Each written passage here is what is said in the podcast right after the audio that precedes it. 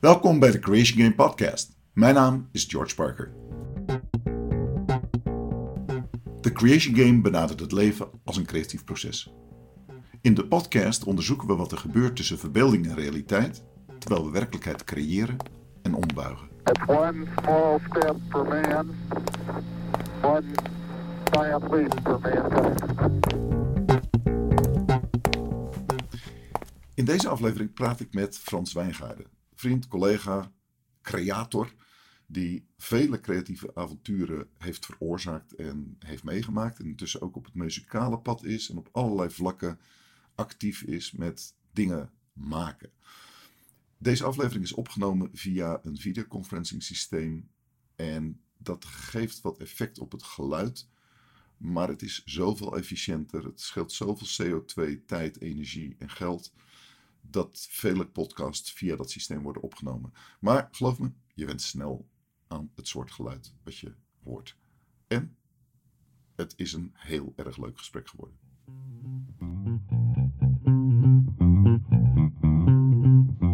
Dit is de tweede podcast eh, van de Creation Game. Eh, en ik zit samen met Frans Wijngaarden. En Frans ken ik al een hele lange tijd. En ik heb meer vragen dan we waarschijnlijk kunnen beantwoorden aan hem. Uh, want Frans heeft vele kanten en vele kleurrijke dingen. Maar één ding wat ons zeker bindt is uh, improv, spel, muziek, theater, maar zeker het creatiespel. Want Frans, jij hebt op een gegeven moment, zelfs ben je daar zo diep ingedoken dat je ook in Amerika, uh, en misschien is dat een leuke manier om iets, iets over jezelf te vertellen, in Amerika ook cursus hebt gedaan. En wat fascineert je aan het creatieproces? Kijk, dat is een mooie vraag. uh, ja, ik denk dat ik, denk ik mijn hele leven al lol aan heb. Ik denk dat, dat het gewoon leuk is om iets te maken, om tot iets te komen. Ja. Uh, nou, ik, ik, heb, ik, ik heb psychologie gestudeerd ooit. Psychologie, ja. Ja, en dat is een, ik, ik noem even een achteraf gezien een reactieve studie. Dat is daarmee? Met reactief bedoel je dat, dat het iets beschrijft wat al achter je ligt of zo? Of? Nee, meer van een, een klassieke psycholoog, een therapie. Die Ja. gaat erover dat, dat er iets mis is met je. En dan ga je naar een psycholoog toe. En dan, dan wordt dat gefixt. Weet je? Dus er, er er klopt iets niet aan je. En dan heb je gesprekjes. En, en vervolgens eh, is dat wat er niet klopt weg. Ja. Dus dat is reactief. Aha. Nou, dat is fascinerend. Ik, ik, vind, ik vind mensen heel leuk en geweldig. Maar parallel daaraan heb ik, heb ik heel lang al in het theater rondgelopen. Ja. Ik heb een tijdje kleinkunst gedaan toen, nog voordat ik psychologie ging doen. Ehm, improvisatietheater, ik heb regies gedaan. En dat, dan ben je iets aan het maken. En dat eh, maar verschilde dan, waar merkte je dan aan dat die psychologie een andere energie of een andere, je had het net over ik heb er lol in. Beschrijf dan de lol in theater en de lol waarom je überhaupt voor psychologie hebt gekozen. Want daar, daar heb je ook een reden voor gehad, denk ik, of niet? Ehm, dat is wel grappig. Ik, ik zou niet weten, ik kan, ik kan slecht, slecht benoemen waarom ik er nou lol in heb om iets te maken. Ik kan alleen maar teruggaan naar allerlei momenten en allerlei dingen die ik gemaakt heb. Ja. En merken dat als ik het doe, en het liefst samen met andere mensen, want dat is heel vaak het geval, dat dat een, nou ja, in jouw termen, een geweldige energie geeft. Of dat dat Ja. leuk is. En Ja. je lol, dat, geinig. En hey, op een gegeven moment heb je iets. En dan, kan je, nou, daar ben je dan weer trots op, of, of niet. Of, ja, Ehm, en, en psychologie is natuurlijk met name gedoe. Kijk, de reden waarom ik psychologie ben gaan studeren is omdat ik eh, reactief gesproken geen. Nou ja, de twee dingen. Eén, omdat ik wiskunde wat te saai vond. oké, ja. eh, en omdat ik niet goed genoeg was voor de theaterschool. dus. En eigenlijk ook hele reactieve redenen. Zo van, oké, Shut up! ja. Nou ja, ik, ik, ik vermoed dat dat toen wel zo was. Dat ik wel iets had van, van die menskant fascineert me. Eh, en ik, ik zou scheikunde gaan studeren. really? En, Maar dat, dat was toch wat weinig men. En daar, daar was ik heel goed in. Maar ik vond het niet zo heel leuk. Nee. Ik was ongelooflijk goed in wiskunde. Ja. Eh, bizar, weet je. Dat- ik, heb in Michigan aan de Olympiad meegedaan en de top 50 terechtgekomen of iets of zo. Dus dat, ik echt goed. Ja, Ja. ja, ja. Maar ik had iets van, en toen, in, eh, toen ben ik in Amerika gaan wonen. Toen heb ik daar psychologie gedaan en drama, dus, dus toneel. En ik dacht, oh, dit is echt veel leuker. Ik kan er gereed van, maar ik vind het veel leuker. Ja, ja. Ehm, en toen heb ik terug de stoute schoen aangetrokken en me gewoon aangemeld voor de Kleinkunstacademie hier in Amsterdam. Ja. En ze wil kijken op wat dit wordt, weet je. Je begint dan met 400 man en op een gegeven moment 40 en 20 en 10. Dus ik heb een aantal auditierondes mogen overleven. Ja. En toen was ik destijds zeker niet goed genoeg. Want toen waren de concurrenten die hadden al 15 jaar ballet gedaan of piano gespeeld of dat soort zaken. Ik, denk, Nodige vlieguren erop zitten, zeg maar. ik, ik ontbeer techniek, weet je. Dat, en los nog even van flair en zelfvertrouwen. Of, weet je, dat, dat, toen ben ik afgehaakt. Oké. Nou, toen, toen ben ik een jaar bij een scheepvaartkantoor gaan werken. Dat was op zich een leuk baantje, maar ook wel ja, wat saaier. Ik van, nou, ik wil iets studeren. Ja. En eh, ergens ben ik toen bij psychologie terechtgekomen. Nou, de, de creërende reden voor, voor die keuze was wel dat ik had een boek gelezen van Leo Buscaglia. Een soort zelfhulpboek van 40 jaar terug, 30, 40 jaar geleden. Ja. En die gaf les in de liefde. Oké. Is- Ja, Les in ja Oké. daar moet ik bij zijn. Ja. Nou, het was wel heel mooi. Het ging over verbinding. Het ging, eh, hij, hij gaf les aan in Californië, Ja. een professor. Ja. En toen een, hij, hij beschreef haar als een, een, een prachtig mooie studenten, de- los van uiterlijk, maar gewoon soort sprankelende dame. En die eh, had zelfmoord gepleegd.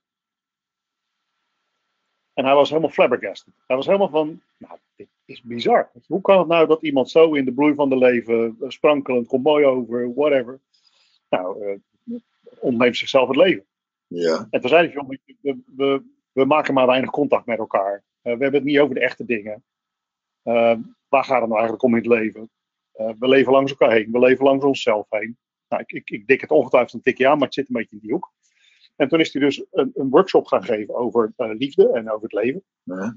En dat was stampvol. En daar is hij een boek over gaan schrijven. Dat, dat las ik. En op de achterflap las ik dat hij onderwijspsycholoog was. Oké. Ja, ja, ja, ja. Ja. So I, I started studying psychology for all the wrong reasons. Maar ik had iets van, nou, eh, cool. Ja, dit zijn wel thema's waar ik wat me raakte, waar ik wat mee heb. En dat, hoe, hoe, je zei net, ik vind het moeilijk om te beschrijven waaraan ik merk dat ik lol heb. Maar als je naar dat moment terugkeert, hè, eh, en je, je probeert even die situatie, zit, zit dat in je kop, zit het in je, je, je, je borst, eh, zit het in je lijf, zit het in, in energieniveaus? Wat zijn er kenmerken waar, waar, je, waar je dan telkens op terugkomt en zegt, oh, dat zijn de kenmerken die, die ik wel telkens tegenkom? Nou ja, het is plezierig, het gaat effortless. Weet je, wat ik natuurlijk interessant vond toen ik psychologie begon te studeren bijvoorbeeld. Ja, ik verslond boeken. Ik vond een college wel aardig. Maar ik, ik las eh, 50 boeken per jaar op dat gebied of zo. Weet je. Ik Ja. las altijd veel meer dan ik zou moeten lezen. Dus een soort eh, eh, eh, ja, mo- moeiteloosheid. Ik denk dat dat altijd wel kenmerkend is. En ik denk ook, ik, ik, heb, ik kan natuurlijk inmiddels mijn leven wel een beetje overzien. Ik ben nu Ja. begin 50. Ja. Als ik kijk naar een aantal van die processen en projecten, van op allerlei cruciale momenten een soort lef tonen en een uitspraak doen, of naar mezelf of naar anderen. Ja, Waarbij, waarbij ik dan meestal in het patroon, een soort na, na een dag of twee of na een week iets heb van, wat heb ik nou toch weer gezegd? Of wat, wat, dit is, wat? Weet je? Maar dat je het bijna niet betekent dat dat je, je kop uit, uitgaat? Er begint iets te ontstaan van, oké, ik lees boeken. En dat lijkt heel cerebraal te zijn. Maar, maar je zegt, ik ben op zoek naar de lol, naar de, de energie of de... de, de Ja, dat boek, boeken lezen was meer een voorbeeld van hoe ik invulde toen ik psychologie ging studeren. Dat vond ik zo leuk en dan ga je aan de gang dan Weet je. En in dit geval uitte zich dat in boeken. Maar ook wel in groepsdynamica trainingen, weet je, dat, ik vond het geweldig. Echt helemaal leuk. En- eh, Oké. En, en als je in zo'n groepsdynamica treedt, ik heb ze zelf ook gegeven, dat zijn beslist geen makkelijke trainingen met een PowerPoint en, en dat soort dingen. Dat gaat echt over hele diepe dingen. Je wordt geschokt, geconfronteerd. Eh, je, je, je, hebt, je bent af en toe jezelf kwijt van, wat, wat gebeurt er hier nou? Dit, misschien wel van, maar, maar, dan, maar dan gebeurt er iets. Dat vond ik geweldig gedaan. Ik, het, het citaat wat ik me herinner van een van die trainingen toen in Rolduc, was dat een jongen op een gegeven moment tegen mij zei van, je verstoort het groepsproces. En toen reageerde ik zo dit is het groepsproces, eikel. Ja, ja, dat is wel een mooie samenvatting. Ja. Want, want, eh, Oké, dus hij, hij zat op de kant waarvan je eerder zei. Er is iets mis, dus ik heb blijkbaar een soort interne norm over hoe het proces eh, ho- hoort te lopen. Dat noem je dan reactief of wat dan ook. En vervolgens, nee, dit valt samen met, er gebeurt nu iets. Eh, hoe, vervolgde dat, hoe vervolgde dat dan? Dus, Pakte die dat of niet? Nee, dat, hij zat echt wel in een andere wereld. Ja. Ik of zo. En, en prima hoor, ik bedoel, niks mis mee. Ik vond het, ik vond het op. Als ik er nu over nadenk, denk ik wel dat dat een heel mooi moment was. Dat, misschien zat hij wel heel erg in zijn hoofd en had hij een idee van. Dit is waar dit uur over zou moeten gaan, of dit is hoe het nu zou moeten lopen. Een soort meer de norm. En dan denk ik, ja, dit wat er nu gebeurt, dit, dat is wat er gebeurt. En dat is geinig. Ja. En vanuit impro, met improvisatietheater, is dat natuurlijk ook iets van. eh, oh ja, dat is gewoon leuk. We stappen erin. En het is doodeng. En het is wel weer geinig om te kijken wat er gebeurt. Ja, want als je naar die impro kijkt, je- ik- zoek naar waar je, op een of andere manier trekt die lol of die magneet, of heet dat effortless, of, dat, er is een iets, zal ik maar zo maar even noemen, wat je daarin aantrekt en waar je dan exploreert. En bij zo'n zo'n wiskunde denk je, nou, daar kan ik misschien wel heel goed in zijn, maar dat geeft niet die, die, eh, dat gevoel of die energie. Uh, theater wel, maar nou, daar zit dan blijkbaar een norm op de Kleinkunstacademie. We zeggen, joh, uh, liever niet, of je bent niet, niet goed genoeg. Maar je blijft er wel naar op zoek. En in zo'n groepsdynamica-proces maak je iets mee waar, waar je blijkbaar ook direct herkent. Oh, het groepsdynamica-proces, het groepsdynamisch proces is niet te sturen. Maar daar ligt nou juist de lol, want er gebeurt iets wat ik niet zie aankomen. Dan kom ik op die impro terecht. Want impro is iets waar je niet, dat is niet scripttheater à la Shakespeare, waarbij je een tekst krijgt. Het ontstaat in het moment zelf. En dan koppel ik het even aan iets wat je eerder zei. Dat kan niet gebeuren als je geen contact hebt. Nee, contact is ook wel een soort rode draadwoord in mijn leven, vermoed ik. Dus ook, Ja. ja. ik, ik, ik, associeer vrijheid. Hè. Ja, ja. Ja.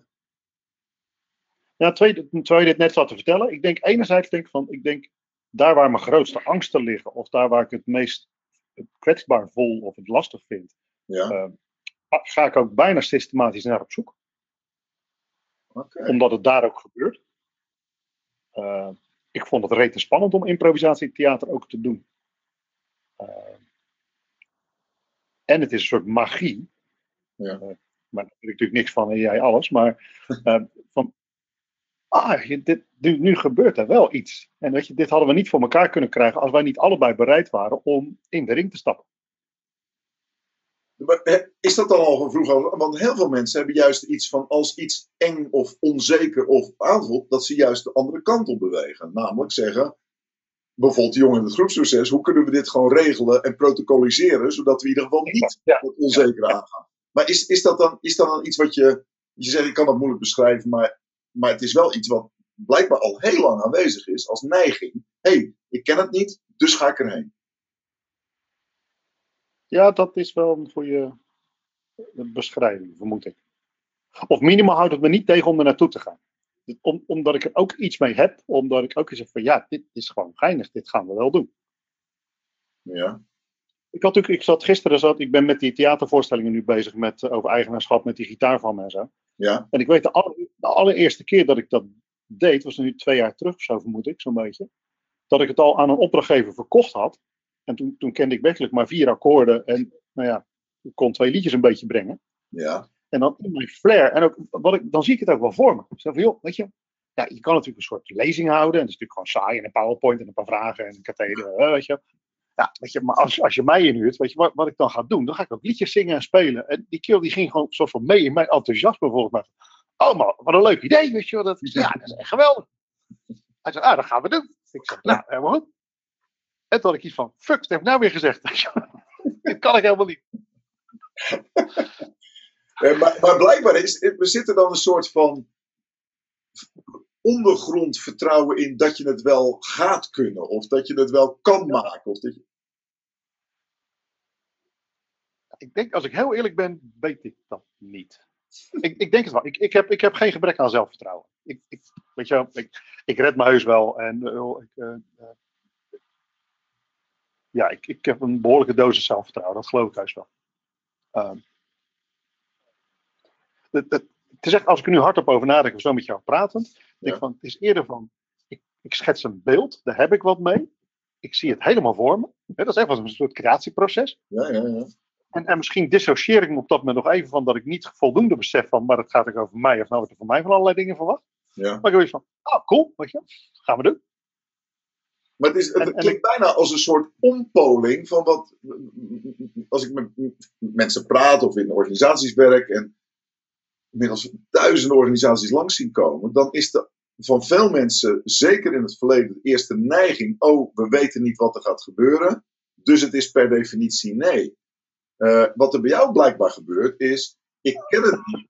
En dat prikkelt op een of andere manier tot beelden en een soort van bij- bijna voor sommige mensen misschien arrogante eh, zelfverzekerdheid van wat hou je je hersens, waarom denk je dat je dat kunt? Ben je de Pippi Langkous? Nou, ik heb het nog nooit gedaan, dus ik denk wel dat ik het kan, zou ik maar zeggen. Dat, hè, Nou, zoiets. de, de hofnar, die, de, de, de trickster die op een of andere manier zegt, nou, laten we de werkelijkheid verstoren, want dan gebeurt er vast iets, dat lijkt me heel erg leuk. Eh, alsof angst, want ik denk dat het, dat, dat wil ik met je checken, maar ik, het, het ziet eruit alsof angst er voor jou als opwinding uitziet. Nou, minimaal niet als, als blokkade of als muur. Nee, ja, minimum, oké, ja, ja. Dat, dat niet. Of het nou opwint. Kijk, Ik heb wel, denk ik, door onder andere door mijn improvisatieachtergrond, dat ik erop vertrouw van. Als jij en ik vanmiddag op een podium stappen. Ja. En we beginnen een gesprek. Dan gebeurt daar iets geinigs. Gewoon als Ja. uitgangspunt. Dat weten we niet. Zou ook iets heel vervelends kunnen gebeuren. Of er kan misschien niks gebeuren. Of het kan heel slecht zijn. Maar mijn basisidee is volgens mij wel van. Oh, dat wordt geinig. En in het improvisatietheater heb je natuurlijk ook wel protocollen. Omdat je allemaal improvisatieregels kent en ook volgt. Ja. Dus je volgt elkaars impulsen. Je, je accepteert wat de ander je aanbiedt als uitgangspunt. Dus de veiligheid zit binnen het improvisatietheater wel heel erg in dat soort regels. Is dat dan een soort, want het is dus niet de veiligheid van een vaste regel, het is de veiligheid van een soort bijna meta-regel, zou ik maar zeggen. Ja. Nou ja, dat vermoed ik, ja. Maar make the other person look good.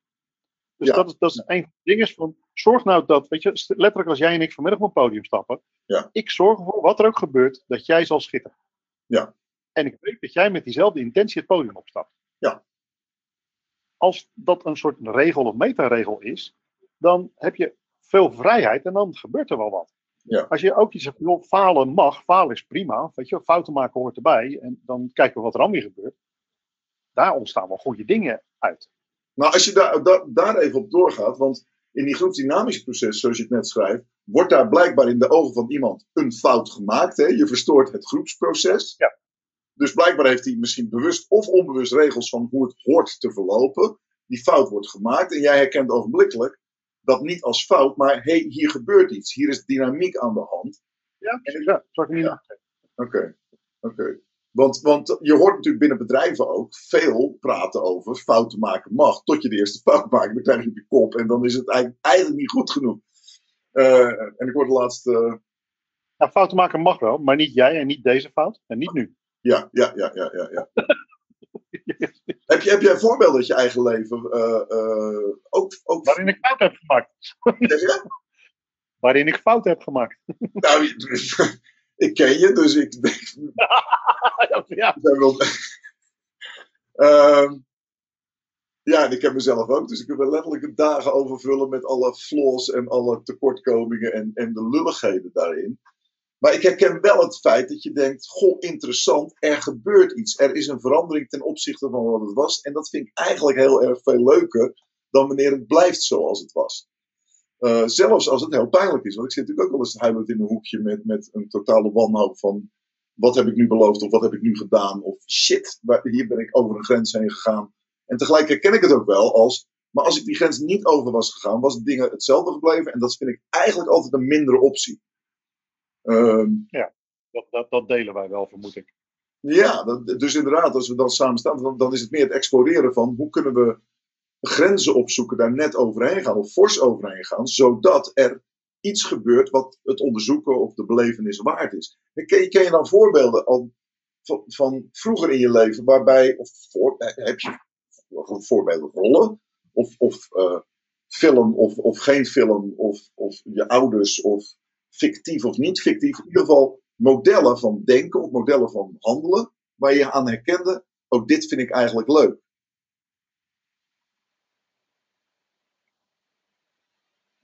Ehm, ik probeer even te kijken of ik snap wat je bedoelt. Of ik rolmodellen heb die, die mij aanspraken? Ja, heb jij, heb, ja ik, ik zoek van, goh, als dit aspect zo nadrukkelijk aanwezig is, hè, het aspect van. Goh, maar ik, ik, ga, ik schiet met een voorbeeld te binnen. Misschien is het goed, nou dat hoor ik dan wel. Ja. Maar op de middelbare school, weer even die, die gekke wiskunde. Ik Ja. deed niet alleen wiskunde 1, ik deed ook wiskunde 2. ja, ik, heb ik ook gedaan. Ja, ja. Dat, dat deed ik met meneer Haaster. En dat, er zat een, een klein clubje van die klote nerds, die zaten dan in zo'n eh, klas achteraf met z'n tienen. Want iedereen, het, idee was dat wiskunde eh, eh, saai was en te moeilijk en ingewikkeld. Ja. Met, met dat clubje van tien deden we eh, sommetjes en opgaves, waarvan we op een niveau kwamen dat ook de leraar niet meer wist wat nou de uitkomst was. Ook hij begon fouten te maken. Hij zag het ook niet meer. En dat vonden we schitterend. Hij bleef gewoon de leraar, wat jij wist, veel meer dan wij, laat, dat- laat dat duidelijk zijn. Maar gewoon de energie van, oké, maar hoe zit dit dan? En dat je elkaar begon te corrigeren en aan te vullen en ideeën te delen. En, dan, ah, gaaf, cool. Nou ja, dat is een van de beste leraren geweest die ik op de middelbare school gehad heb. Ik denk, joh, als, je, als je dus iemand voor de groep ziet staan die, die het oké vindt om eh, inspirerend te vertellen, nieuwe velden op te zoeken, eh, dingen te proberen, voor te doen, zich laat corrigeren Ja. en nog altijd boven staat en je laat leren, denk ik, nou, dat is een mooie. Eh, als ik Keith, Keith, Johnston, Keith Johnston, weet je, dus de, de grondlegger van improvisatietheater, is, is voor mij natuurlijk een geweldig rolmodel geweest. Ja, ja. Ik heb hem ooit ontmoet in 1983 toen we in Calgary in zijn loose waren. En ik, eh, wij deden improvisatietheater vanuit het meer werktheaterachtige model. Hè? Bijna de, de psychodrama-achtige. eh, Ja. diep en hartstikke gaaf. En ik kwam daar binnen en ze deden die show. Nou, dat was een bom van energie in één keer. En Keith Johnson had toen net wel of net niet dat boek Impro geschreven. En, en toen leerde ik van, oh, wacht even. En ik werd, het was een aanstekelijke energie van je erin storten, zal ik maar zeggen. Wat ik in jouw verhaal ook herken. Ik stort me erin, terwijl ik eigenlijk niet goed weet wat het is. Maar er is iets.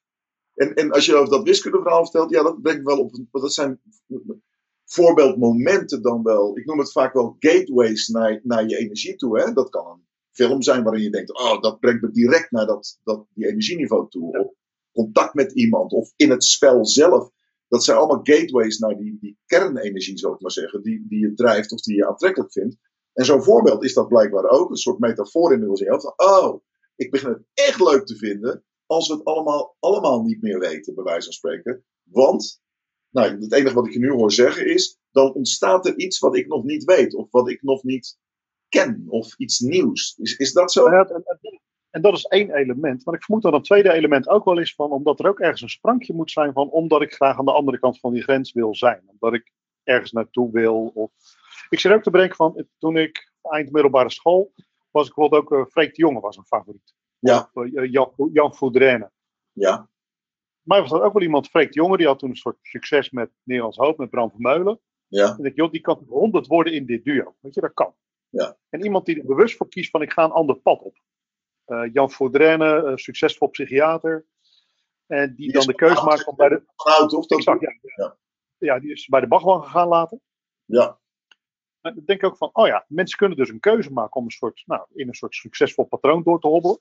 Maar Ja. uh, jij ook. Ik vind het natuurlijk schitterend hoe jouw leven, jij zei het net ook, van een soort serie van uh, carrières. Weet je, oké, okay, hey, ja, dan moet er ook iets zijn van, omdat ik dat leuk vind, of dat past nu, Ja. of dat vind ik geinig. Of, uh, nou ja, ik, heb dat, ik ben in loondienst geweest. Op een gegeven moment ging ik een eigen bureau opzetten. Of toen ben ik voor mezelf begonnen. Toen Ja. ben ik een bureau gaan bouwen. En Ja. dan van die momenten van, ja, omdat ik het leuk vind. Ik hoef het niet te doen. Ik kan ook honderd worden als ZP'er. Weet je, dat, dat prima. Hè? Doe je nou Ja. klussen, ook leuk. Uh, zo'n gitaar is natuurlijk ook zo'n voorbeeld van, ja, ja, ja. Ik ben consultant en ik zit in binnen- en buitenland met allemaal raad van bestuursleden. Ja. daar verdien ik mijn boterhammetjes mee. Weet je? Ik bedoel, helemaal. Ik heb een enorm risico genomen om die gitaar op te pakken. Ja. Dus mensen ook iets hebben van, maar, maar wat dan, hoe dan? Weet je, de, de, te frivol of wat dan ook. En denk ik, ja, ik vind het gewoon leuk. Ik, ik heb, en, ik, en ik wil er wel kijken, want ik wil in dit geval, ik wil muziek maken. Of ik wil uh, zo, uh, deze woonboot, hè, waar ik nu zit. Het zijn allemaal voorbeelden van, nou, Christa, mijn vriendin, belde op. Joh, uh, ben net gebeld door, door, mijn beste vriendin, die woont hier naast ons. Ja. Die zegt, wij worden buurvrouwen. Weet je? En zowel Christa als ik hebben allebei zoiets van, uh, oké. Okay. uh, let's talk, weet je. Ja. Zijn er momenten geweest dat je. Want, want dat is natuurlijk de beloftes van vele boeken en sprekers: van oh, eh, eh, denk buiten dingen, ga buiten je comfortzone, want daar gebeurt de magie. Oké, nou een gevaarlijk voorbeeld. Trump, Trump is iemand die werkelijk out of the box handelt en denkt, zou ik maar zeggen. In ieder geval out of the box van het betamelijke. Laten we daarmee beginnen. The, dus een deel van mij zegt ook, ja, eigenlijk, daar zit net zoals bij criminelen bij wijze van spreken. Er zit een deel van mij, ja, ik bewonder eigenlijk wel technisch wat je doet en ook wel dat je buiten de lijntjes kleurt. Natuurlijk zit daar voor mij een ethische grens aan. Je hebt geen toestemming van anderen. Je hebt geen afstemming, contact meer mee. Dat, en dan begint het ook criminele trekjes te krijgen, als het ware. Als ik, als ik shows over fraude doe en laat zien hoe je mensen misleidt, dan, dan komt die ethische regel nadrukkelijk terug. Maar er zit ook een deel van mij, net zoals je misschien met je kinderen ook wel eens meemaakt, dat ze iets doen wat echt gewoon eigenlijk niet kan. En dat je innerlijk moet lachen en uiterlijk eigenlijk moet corrigeren of zo soms, omdat het misschien niet. Dus er zijn momenten dat je buiten de box denkt en ook iets tegenkomt wat eigenlijk niet in de haak is, of wat, of wat schadelijk is. Of je, ook voor jezelf soms, omdat je over grenzen heen gaat. Weet je wat, dat is de studententijd. Uh, als je bij mij spreken denkt van, oh, hoeveel kan ik drinken voordat ik werkelijk onderuit ga? En dan zoek je die grenzen op, gaat er overheen. En, de volgende, en, en, en, en op het moment, de volgende ochtend denk je, dat doe ik nooit meer. Nou, dat nooit is dan uh, tussen aanhalingstekens, zou ik maar zeggen. Maar, en, we promoten even voor de, de, juristen die luisteren geen alcohol, maar we promoten wel veranderde bewustzijnstoestanden door over die grenzen heen te gaan, zou ik maar zeggen. Eh, heb jij momenten meegemaakt dat je denkt, oh, nu ben ik een grens overgegaan. Maar dat, dat, dat, werd gedreven door dezelfde energie, namelijk die, die nieuwsgierigheid, of ik verwacht dat daar iets gebeurt. En achteraf had ik een gedachte van, ja, dit, dit is toch niet goed voor me geweest. Heb jij momenten daarvan meegemaakt?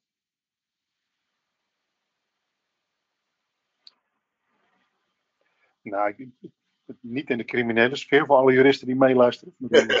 nee. Geloof ik. Nee.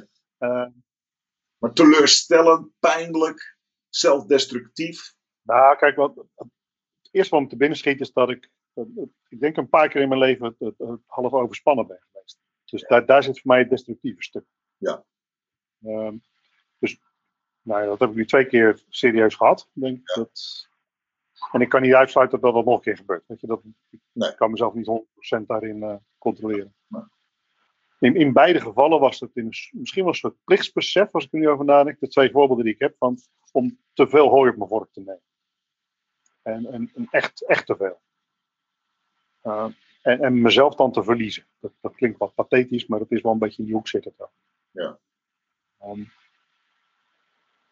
nou, dat, dat is wel redelijk destructief gebleken. Ja, en ook louterend. Kijk, het is destructief. Het is, je weet je welk tijdstermijn je hanteert. Ja, ja, ja, oké. ja, ja. Ik heb tijd, tijdens mijn studie heb ik een keer vier maanden op een bank uh, in een flatje gezeten. Een beetje de, muur, de witte muur tegenover me bestuderend. Weet je zo. En dat was vast niet zo dramatisch geweest als ik het nu beschrijf, maar het zit wel ongeveer in die hoek. Ja. In, in die maanden kan ik me voorstellen dat ik ja, dit is niet handig. Weet je? Dit is niet productief. Je bent over grenzen heen te gaan. Je weet het echt even niet meer. Als ik twee jaar later kijk, denk ik van, nou, dit is heel louter. Weet je? Dit is wel heel goed om dit stuk van mezelf te kennen. Ja.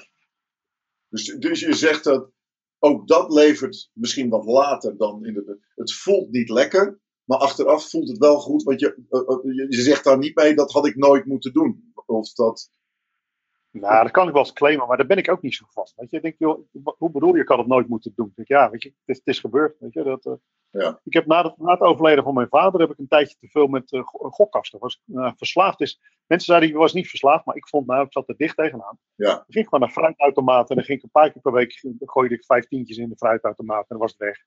Ja. En uitsluitend om mijn gevoel te dempen, wat ik toen blijkbaar waar ik mee rondliep, waar ik me geen raad mee wist. Even, om het zo even uit te drukken. Ja daar was ik niet trots op. Dat had ik waarschijnlijk nooit moeten doen. Nee. Uh, en echt tot de dag van vandaag besef ik als ik een fruitautomaat zie, nou praten we echt 30 jaar geleden, dan denk ik van, oh ja, die periode heb ik wel gehad. Dus ik dat is niet fijn. Ja. En kijk, ik weet ook, dat was wel een worsteling soms, letterlijk van, nou dan, dan ben je de stad aan het rondrijden van, oké, waar zitten die hallen? En dan ga, ik, dan ga ik daar naartoe, of ga ik daar naartoe? oh, daar zit wel een worsteling in van, god, dat had ik niet moeten doen. Of dit moet je echt niet doen, Frans. Weet je, je kunt beter met iemand gaan praten. Of je kunt beter, nou, dan soort, alsof het sterker was dan ik, ging toch weer een soort mezelf eh, eh, eh, gevoelloos maken door dan een uurtje in zo'n hal rond te, rond te hobbelen. Ja, ja dat, dat, Ja. dat weet ik wel. Weet je, ik heb onder Het andere. wel destructief. Ja, Ja, ja, ja, ja. Maar, dus, En dus, wat, ik, en wat ik interessant vind, is dat ik ook denk van, blijkbaar één, ik, ik maak me niet zo destructief. Ik, aan mijn lijf geen Polonaise, dat is een soort grondregel. Mhm. Dus ik ben nooit zo dronken dat ik het niet meer weet. Of ik ga ook niet met drugs of dat soort dingen. Dus in mijn lijf. En ik, ja. En ik ga niet zo verslaafd worden. Ik, denk van, ik heb al wel een soort gezondheidsstuk van toen ook. Hè, want op een gegeven moment denk ik, nou is klaar. Nou, dan is dat weer voorbij en is dat weer geweest. Ehm, en dat lukt dan ook. Ook goed. Misschien zijn die dingen ook wel met elkaar verbonden. Want ik herken wel een aantal dingen. En dat, dat ik op verschillende gebieden. Eh, en op een bepaald moment, eh, eh, toen ik st- studeerde, weet je wel, regelmatig wiet gebruikt. en op een gegeven moment raak ik verveeld. Dus op een of andere manier is die verslaving wel aan de hand, omdat je ergens over een grens heen gaat die misschien uiteindelijk zelfdestructief kan zijn, waar zelfdestructieve kanten aan zitten. Maar het wordt eigenlijk ook gedreven vanuit diezelfde energie. En diezelfde energie bewaakt ook dat het verslavend wordt, omdat je op een gegeven moment misschien denkt: Weet je, ik heb dit wel gehad, het levert niks op, of, of het, het, het, ik, ik ben verveeld erover, laat maar. In plaats van dat het iets. Dus ik, een van de, de ideeën die ik daarover heb, dat gedrag onderzoeken, of het nou met te veel dropjes eten of chocola eten in een bepaalde periode, of eh, alcohol of wiet of sporten, overigens ook, weet je wel. Daar ben ik een hele tijd van, wow, vreselijk fanatiek aan triathlonnen geweest en judo geweest. En, daar zitten allemaal die patroonmatige dingen in, waarvan je zegt, oh wacht even, op het moment dat dat weer een grens overgaat, dan ben ik gewoon niet geïnteresseerd meer. Dus ik, ik ben nooit daarin verslaafd eh, eh, geweest als in slaaf van de gewoonte. Omdat er blijkbaar, zoals je het zelf ook beschrijft, een stemmetje zit van ja, dit is eigenlijk niet goed. Maar laat ik het toch maar even doorzetten, want er gebeurt wel wat, om in jouw termen te spreken. En op het moment dat wat gebeurt weer patroonmatig wordt, oftewel het is meer van hetzelfde, komt er waarschijnlijk dan een moment dat je denkt, nou dat ken ik dan nu wel. Laat Ja, maar. precies. Ja. Want je bent er niet in Ja. blijven hangen. eh, en dat ben ik ook niet. Het is nou een half jaar of na een jaar denk je, nou ja, goed, ik ken die wereld nu wel. What's new? Let, let's eh, explore, zou ik maar zeggen. En, en Ja. dat is wel een, een ding van, herken je als ik dat zo op deze manier eh, vertel, herken je daar dezelfde nieuwsgierige kracht achter van, hé, hey, wat gebeurt er als? Als je, als je even afstand neemt, hè, want tegen nu 30 jaar achter je, maar je afstand neemt en je rijdt rond en je zoekt die fruitautomaten op, zit daar diezelfde soort lol in van hoe ver kan ik hiermee gaan? Of wat kan ik hierin onderzoeken? Nou, het is wel iets nieuws. Of het is natuurlijk inderdaad. het- is even spannend. Of het is. eh, maar en ik denk dat destructieve stuk is ook echt wel van. eh, weglopen voor dingen waar ik gewoon niet aan wil. Ik heb er gewoon geen zin in. Ja. Misschien aantonen, dat ik autonoom ben. Weet je, dit kan ik maken. Weet je, dus dit, dit, dit, Ah, ja, ja, ja. mag, ik mag ook gekke dingen doen. Zoiets Ja. of zo. Weet je, dat, Ja. Ehm, Dat is wel interessant. Ja. Ik denk, ik denk nog als overarching is altijd wel van, nou, nooit zo ver of diep dat ik eh, de serieuze financiële problemen krijg of gedoe. Of wat je denkt, nou, dat, dat was allemaal erg betamelijk.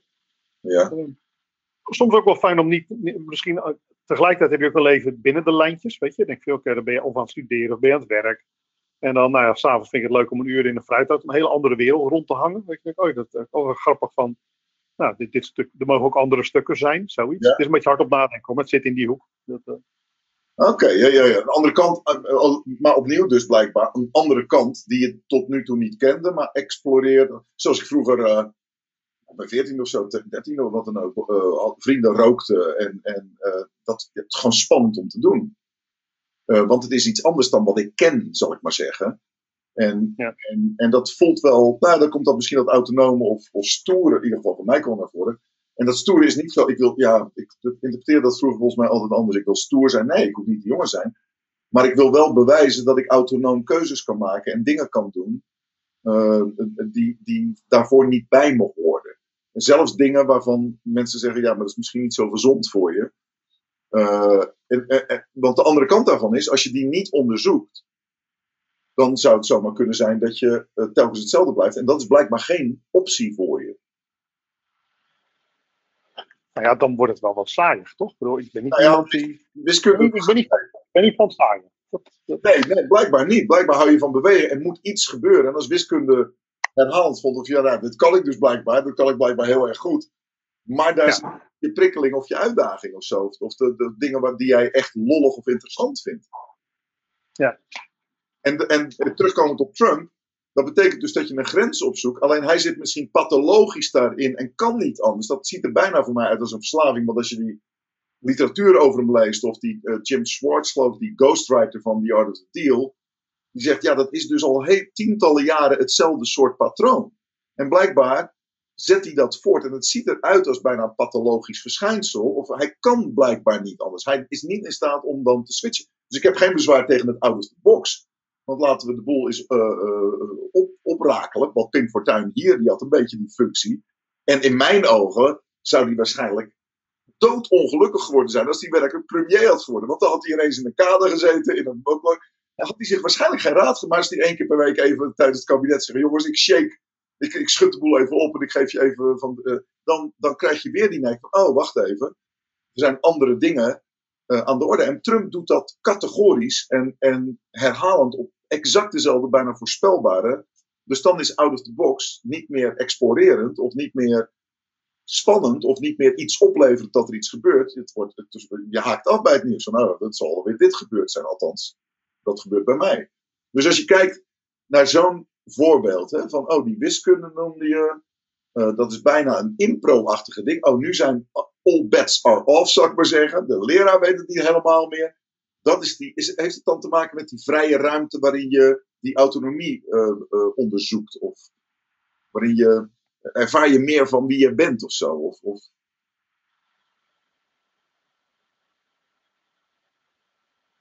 Ben je nieuwsgierig? Nou ja, ik, ik denk dat er gebeurt dan iets. Weet je, lukt dit? Het is natuurlijk wel, het is gewoon een interessant risico. Het is natuurlijk een soort risiconemend gedrag. Dat Ja. is het wel.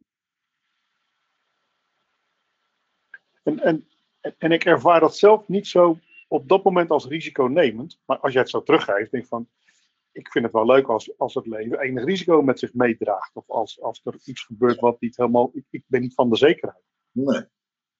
Ehm, Althans, niet, niet op de. Ja, op die, op, nou ja, weet je, ehm, want je rijdt wel rechts en dat is ook een soort van veiligheid en zekerheid. Van, nou, dat doet iedereen, dus daar gaan we wel mee mee. Zeg maar. Je rijdt aan de rechterkant van de weg. Tenminste, dat neem ik nu even. nou, meestal. Meestal. wel, wel met een blinddoek voor. Nou, twee is, is een spookrijder. Wat? Eén? Er zijn er wel duizend. Exact. Ja. Eh, En dan dat ik risicovol gedrag vertel. Kijk eens naar die anderen. Nou, maar het- het- ik, en ik ben daar ook naïef in. Eh, Oké. Denk ook wel in een soort, wat ik zeg, bazaal zelfvertrouwen. Zo'n ander moment in mijn leven dat ik weet dat. ehm, ik, ik heb bij Vanuit Linksma toen gewerkt, een eerste periode, een jaar of vijf. Toen ging ik naar Pink Elephant toe. En- en- en dat was me voorgeschoteld van, nou, je, je gaat een rol van een soort organisatieadviseur ga, je- ga je krijgen. Ja. En na een paar maanden bleek dat toch weer anders te liggen en gedoe. De job die er toen overbleef was saai, was echt workshops geven. Ik denk, ja, dit, dit, dit doe ik met mijn ogen dicht. Dat vind ik echt niet leuk. Nee. En toen heb ik ontslag genomen. Ehm, en ik weet dat ik dat tegen mijn moeder zei. En, en ik, ik zal nooit haar blik vergeten dat ze iets had van. Ze keek me aan zo van: joh, ik hou nog steeds van je. Maar wat je nou toch gedaan hebt. Ik dat, nou, het- ze snapte het echt niet. Dat is een soort Nee. kortsluiting in haar hoofd. Van, joh, voor haar, in haar generatie was een vaste baan. Ja. Die zekerheid, dat grootste goed. Ja. Ehm, en ik had iets van, ja, ik, ik kan niet dag in dag uit een job hebben waar, waar het hoogtepunt van de dag is om tijdens de lunch, om te zorgen dat er een paar IT-nerds met elkaar in gesprek gaan en dat ik net door ze weet waar het over gaat. Ik denk, joh, dat, dat is niet mijn leven. Nee. En is dat opnieuw? Dat was, dat- dat was- dat was trouwens een fantastisch, ik vond het echt fantastisch. Ja. Ongelooflijke sideline, maar overdag was voor mij saai en, en, en te simpel werk. Ja. En dan tijdens de lunch, ik zat daar met een hoop IT'ers. Leuke gasten allemaal. Ja.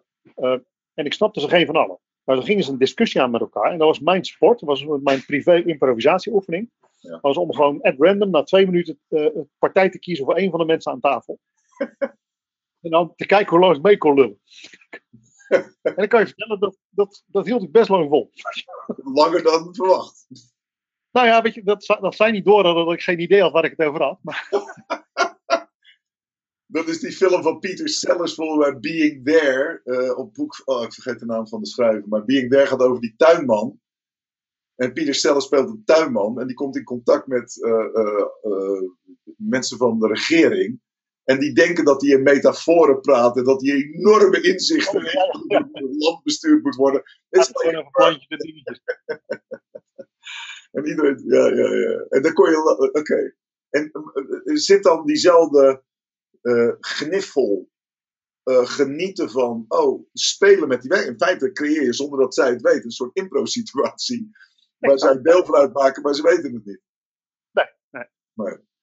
Nou ja, ik heb er wel lol in. Ik, ik vind het ook mooi als mensen zichzelf te serieus nemen. Of dat ik denk van, oké, en dat, er is niks leuker dan dat om die wat een beetje de draak mee te steken. Ook een soort narrenrol. Dat zie ik ook mijn hele leven zit ik aan de buitenkant van organisaties. Hè. Dan ben je adviseur of je, je Ja. begeleidt organisatieontwikkelingen. Ik zou ook niet passen als, als corporate bestuurslid of raad van bestuurslid in een grote club. Want dan zit je in een soort standaard stabiele situatie. Ik, ik hoor daar wel thuis. Ik, ik, loop daar rond en ik, ik- daar, daar zitten mijn klanten. Ja. Ehm, maar zet mij daar niet vast neer. Want dan, dan, dan, dan nou, dat is niet handig. Een paar jaar geleden werd me dat gevraagd. Weet je, Ja. van, joh, wil je niet hier commercieel directeur worden bij een grote club? Ja. Dit moet je me niet aandoen. Weet je, dat, dat is voor jullie niet goed. En voor mij ook niet. Maar eh, Want dan zou ik, je. moet aan die, ik moet aan die buitenkant zijn. Nou, dat, dat is, als je, als je kijkt, natuurlijk zit ik diep in, in de magier als, als change agent en de rollen van de magier. En een van de rollen noemde je net, dat is de rol van de nar of de rol van de trickster, zoals dat officieel heet. De trickster, hè, de coyote, de tijl eilenspiegel, de Pippi Langkhuizen, wat dan ook. Die ik ook projecteer op een Trump. Alleen, die is niet een zuivere vorm, net zoals de Joker van Batman. Is niet een zuivere vorm van trickster, omdat ze het eigenlijk without a, cause, without a purpose, zonder enige bedoeling doen. In plaats van nee, ik verstoor die werkelijkheid omdat het iets gaat opleveren. En op het moment dat het opgeleverd heeft, dan verstoor ik weer iets anders. Dus de trickster heeft de rol om inderdaad bijna aan de, aan de periferie van het dorp te zitten. En af en toe iets waar. Het is het, is het, het kind wat zegt: hé, hey, die keizer heeft helemaal geen kleren aan. Hè, Wat? Wat? Gaan we dat zeggen nu? Dat, eh, iedereen ziet het. Maar eh, Pim Fortuyn, eh, die, die bij wijze van spreken op net aan die periferie van buitenkant naar binnen kijkt, maar wel met een bedoeling. En, en dan kom ik terug op wat je heel veel vroeger zei, of eerder zijn dit gesprek.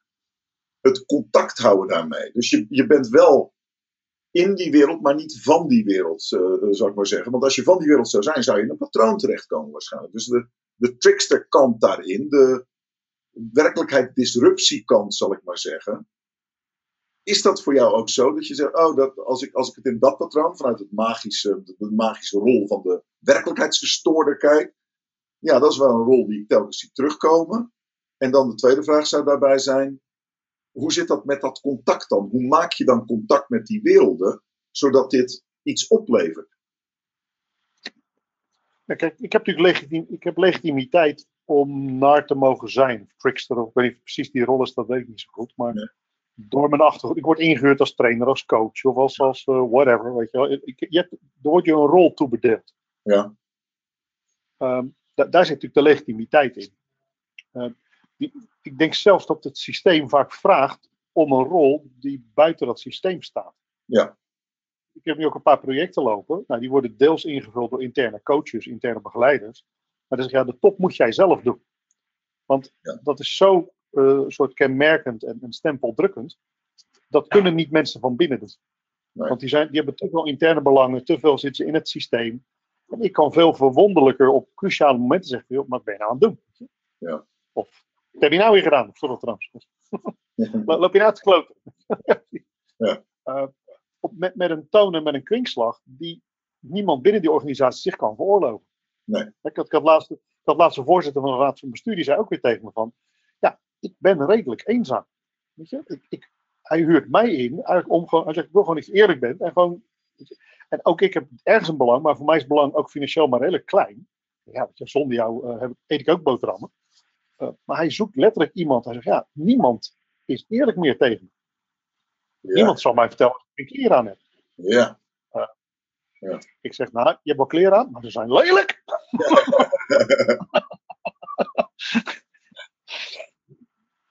Dan mocht ik extra declareren. Armani. krijg ik meer, krijg ik meer voor betaald. Eh, Dus de behoefte van, van iemand die zegt: Ik herken dat ik in dat patroon zit. En ik heb een, een, een, een, een ontregelaar nodig. Zodat, wat, wat levert dat die persoon op? Eerlijkheid, energie, wat, wat, wat ja, geweten, natuurlijk. bevrijding. Blinde, blinde, ja, blinde vlekken opheffen. Ja. Eh, er kunnen dingen gezegd worden die anders niet gezegd worden. Ik heb natuurlijk nu die, nu die eh, gitaarvoorstelling doe over eigenaarschap. Ja. eh, zit ik soms in voorbespreking met mensen die zeggen: Weet je, ik, ik ga echt niet de werkelijkheid buigen, of ik ga geen immorele dingen zeggen. Nee. Maar- Wel de gelegenheid om mij een paar dingen te laten roepen, die als jij het zegt, eh, eh, roept het een bak weerstand op, klopt er geen reet van, krijg je een beleidsnota, drie werkgroepen en gezeik met de OR. Ja. En als ik een gitaar in mijn klauwen pak en ik roep drie dingen, dan vindt iedereen het geinig of zo, oh, oh, nou, wel gelijk. Weet je. Dus ja. ik Ja, pak nu pen en papier. Wat zijn die drie dingen? Je. Ja. Eh, en bijna iedereen herkent dat wel. Ja, dit is wel volgens mij hoe het hier zit. Nou ja, dat, dan, dan ben je ook een instrument. Kijk, en ik vind het op mijn beurt heel. Ik ben natuurlijk ook parasiet van die systemen. Dat is slecht geformuleerd of, of natuurlijk eh, eh, immoreel. Maar ik vind het ook razend leuk om in het hoofdkantoor van allerlei grote bedrijven rond te lopen. En aan bestuurstafels te zitten. Dat is voor mij ook wel weer een fascinerende wereld. Met, met macht en geld en, en belangen. En ik- Oh, cool, weet je. Eh, en inmiddels, weet je, ik vind het leuk om met die gasten te praten. En, en blijkbaar is dat zinvol, of vinden zij het zinvol. That's in it for me, weet je. En, en ook ik vind het wel weer leuk om dan nou ja, een soort disruptive te zijn. Of af en toe dingen te roepen. Of, of, eh, Ja. ja, ook, ook daar wat op te schudden en, en dingen te betekenen. Ja, nee, dat, dat herken ik ook. Dat je de, de, treedt voor bij wijze van de, de, straatjongeren, eh, eh, daklozen, gevangenen, via tot en met minister zelf op, zou ik maar zeggen. En daar moet je ook, en ik weet niet, dan, dan kom ik terug op dat contactmoment.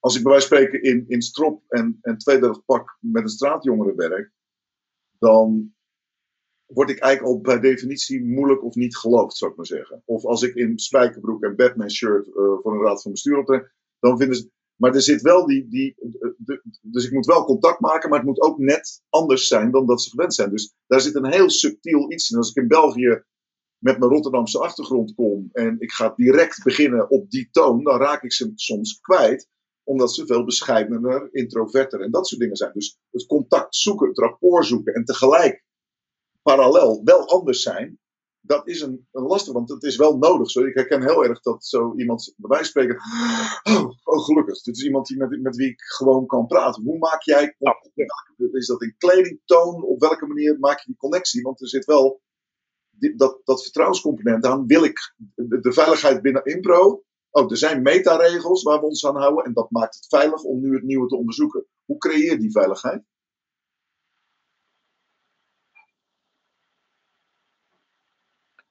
Eh, kijk, hoe creëer ik veiligheid?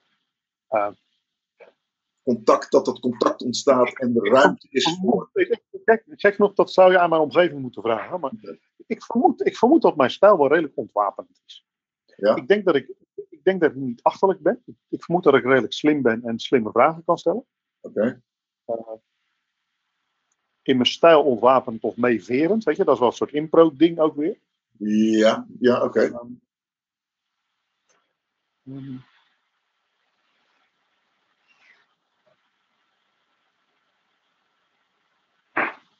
Ehm, ik geloof dat ik me, me volledig vrij voel om de vraag te stellen die, ik, die in mijn hoofd zit. Ik denk Ja. dat dat helpt. En, en, en dat, ik het, dat ik de ruimte neem om die vraag pas te laten ontstaan in het contact als ik met zo'n man of vrouw praat. Kijk, als ik nu denk even aan die topmannen met wie ik dan af en toe eh, Ja. bivakkeer. Ja. Ja. Ik heb er zelf een keer aan de inkoopkant gezeten van de organisatieontwikkeling. Ja. En dan zie je verkopers die, die heel erg met een vooropgezet stramien en protocol binnenkomen. En met, joh, dit is onze aanpak en dit zijn onze sheets en dit is onze, weet je, dit is, eh, dit is onze stramien. Ja. En ik denk, ik denk letterlijk, als ik nu mijn broek laat zakken, hebben ze niet eens in de gaten. Weet je? Ik bedoel, ze zijn zo met zichzelf bezig. Weet je? Ze, ze zouden het niet opmerken waar ze spreken. Ik heb ook wel eens ingegrepen hoor. Dat ik zeg van, weet je, ik zeg, volgens mij heb je geen idee met wie je nu spreekt. Niet de flauwste benul. Nee. Je hebt een hele knipselkrant gemaakt over onze organisatie. Je hebt je eh, minimaal zes uur voorbereid op dit gesprek. Dat kan ik zo zien. Ja, ja. Ik heb geen idee met wie je te maken hebt. Nee. Ehm, ik, ik, had, ik, even, ik, ik zit zo'n moment van. Dat was een van mijn grootste projecten die, die ik gewonnen heb. Is dat zo, een of andere opperdirecteur of zo. Die, die, die hadden een afspraak met hem. En hij kwam later binnen. En hij kwam redelijk pissig kwam die binnen. Ja. En, en de mensen, het was me al verteld van het is een redelijk dominante kerel. En, nou, goed, eh, eh. en ik merkte een soort, er zaten vier, vijf mensen aan tafel. eh, dat mensen een beetje terugdeinsden van, oh jee, weet je wel. En dan zeg ik veel, hé, hey, wat is er gebeurd? Weet je.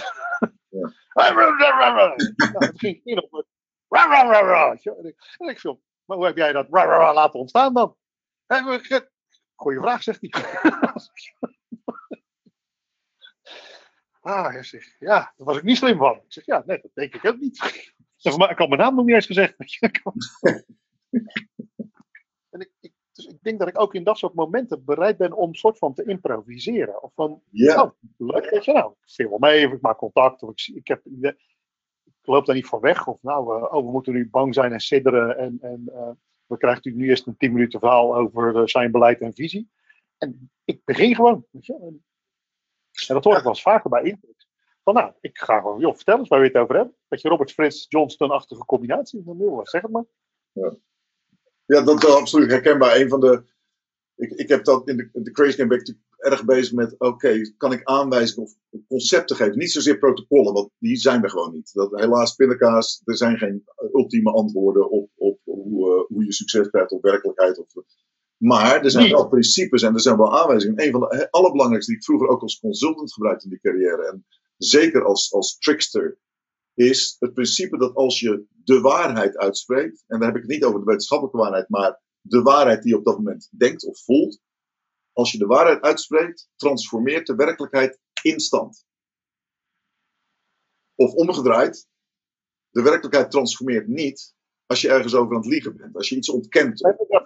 Dat, dat laatste herken ik meer nog bij. Ik weet niet of nou die transformatie plaatsvindt als je eerlijk bent. Maar wat ik zeker weet is. Als je beducht bent of niet eerlijk bent. Of, of niet verwoord. Of niet bij jezelf blijft. Geeft een naam. eh, niet deelt. Ja, Dan, dan blijf je in schijnwerkelijkheden hangen. Weet je? En dan denk van ja. Dan, dan vaar je langs elkaar heen.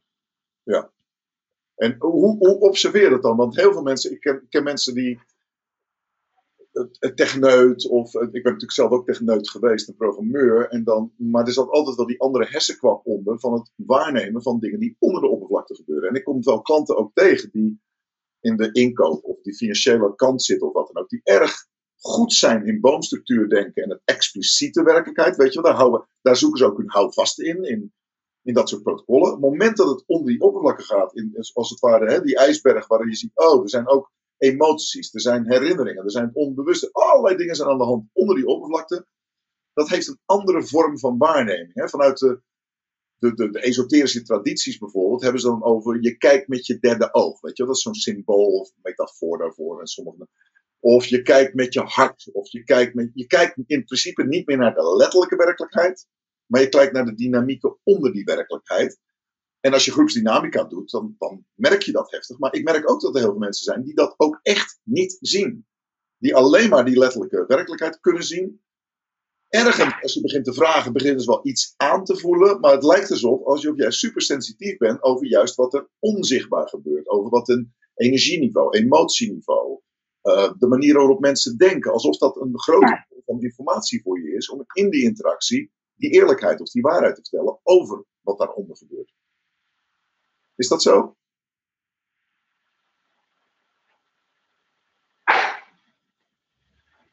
Ja, kijk. Eén, ik denk dat ook ik regelmatig dat niet zie of niet bewust ben. Weet je? Ja. Dat, dat, is, dat is maar onderdeel van mens zijn, dat je dat lang niet altijd ziet en weet. Weet je? Dat zelf al focus je erop. Ja, ja.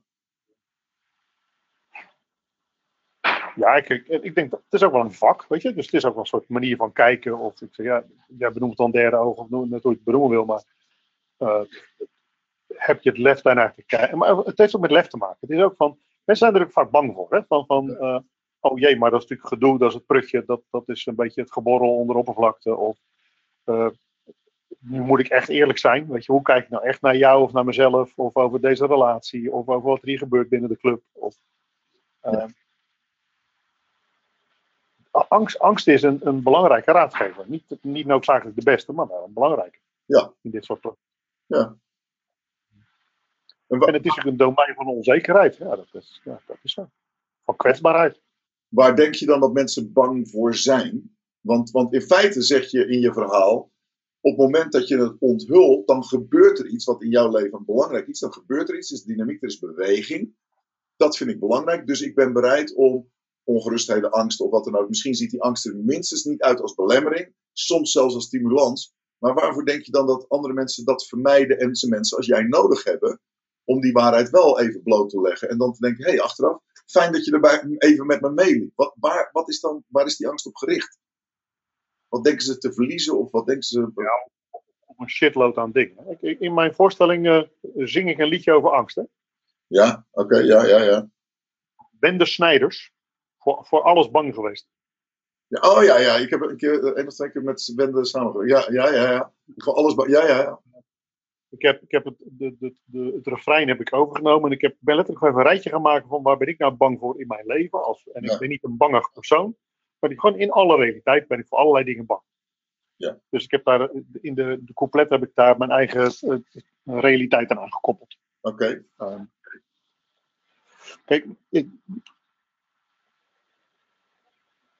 de angsten zijn bazaal en die zijn velerlei. Je, ik, eh, ehm, ik zit te denken aan het, het inclusie-control-affectie-model. ja, Ik, ik denk in, in de basis vinden mensen het, zijn er bang voor of ze, of ze er wel bij horen of niet. Eh, dat is inclusie. Weet je, hoor ik er wel bij? Mag ik er wel zijn? Of je nou qua kleding, qua stijl, qua. Maar weet je, doe ik er toe?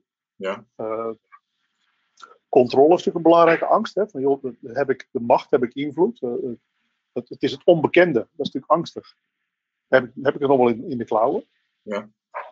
En dan eh, de, de affectie gaat natuurlijk over, gaat over vertrouwen en intimiteit. En van mag ik er echt zijn? En, en eh, mag openheid er zijn? Weet je wel? Dat mag alles wat, wat, ik, wat er aan de- mijn binnenkant zit, mag dat er ook zijn?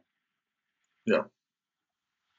Ik, ik denk dat dat een heel, nog steeds een heel mooi en bruikbaar model is om af en toe te kijken. Van, joh, wat, wat, wat speelt er nu in de groep? Weet je? Welke fase zitten we?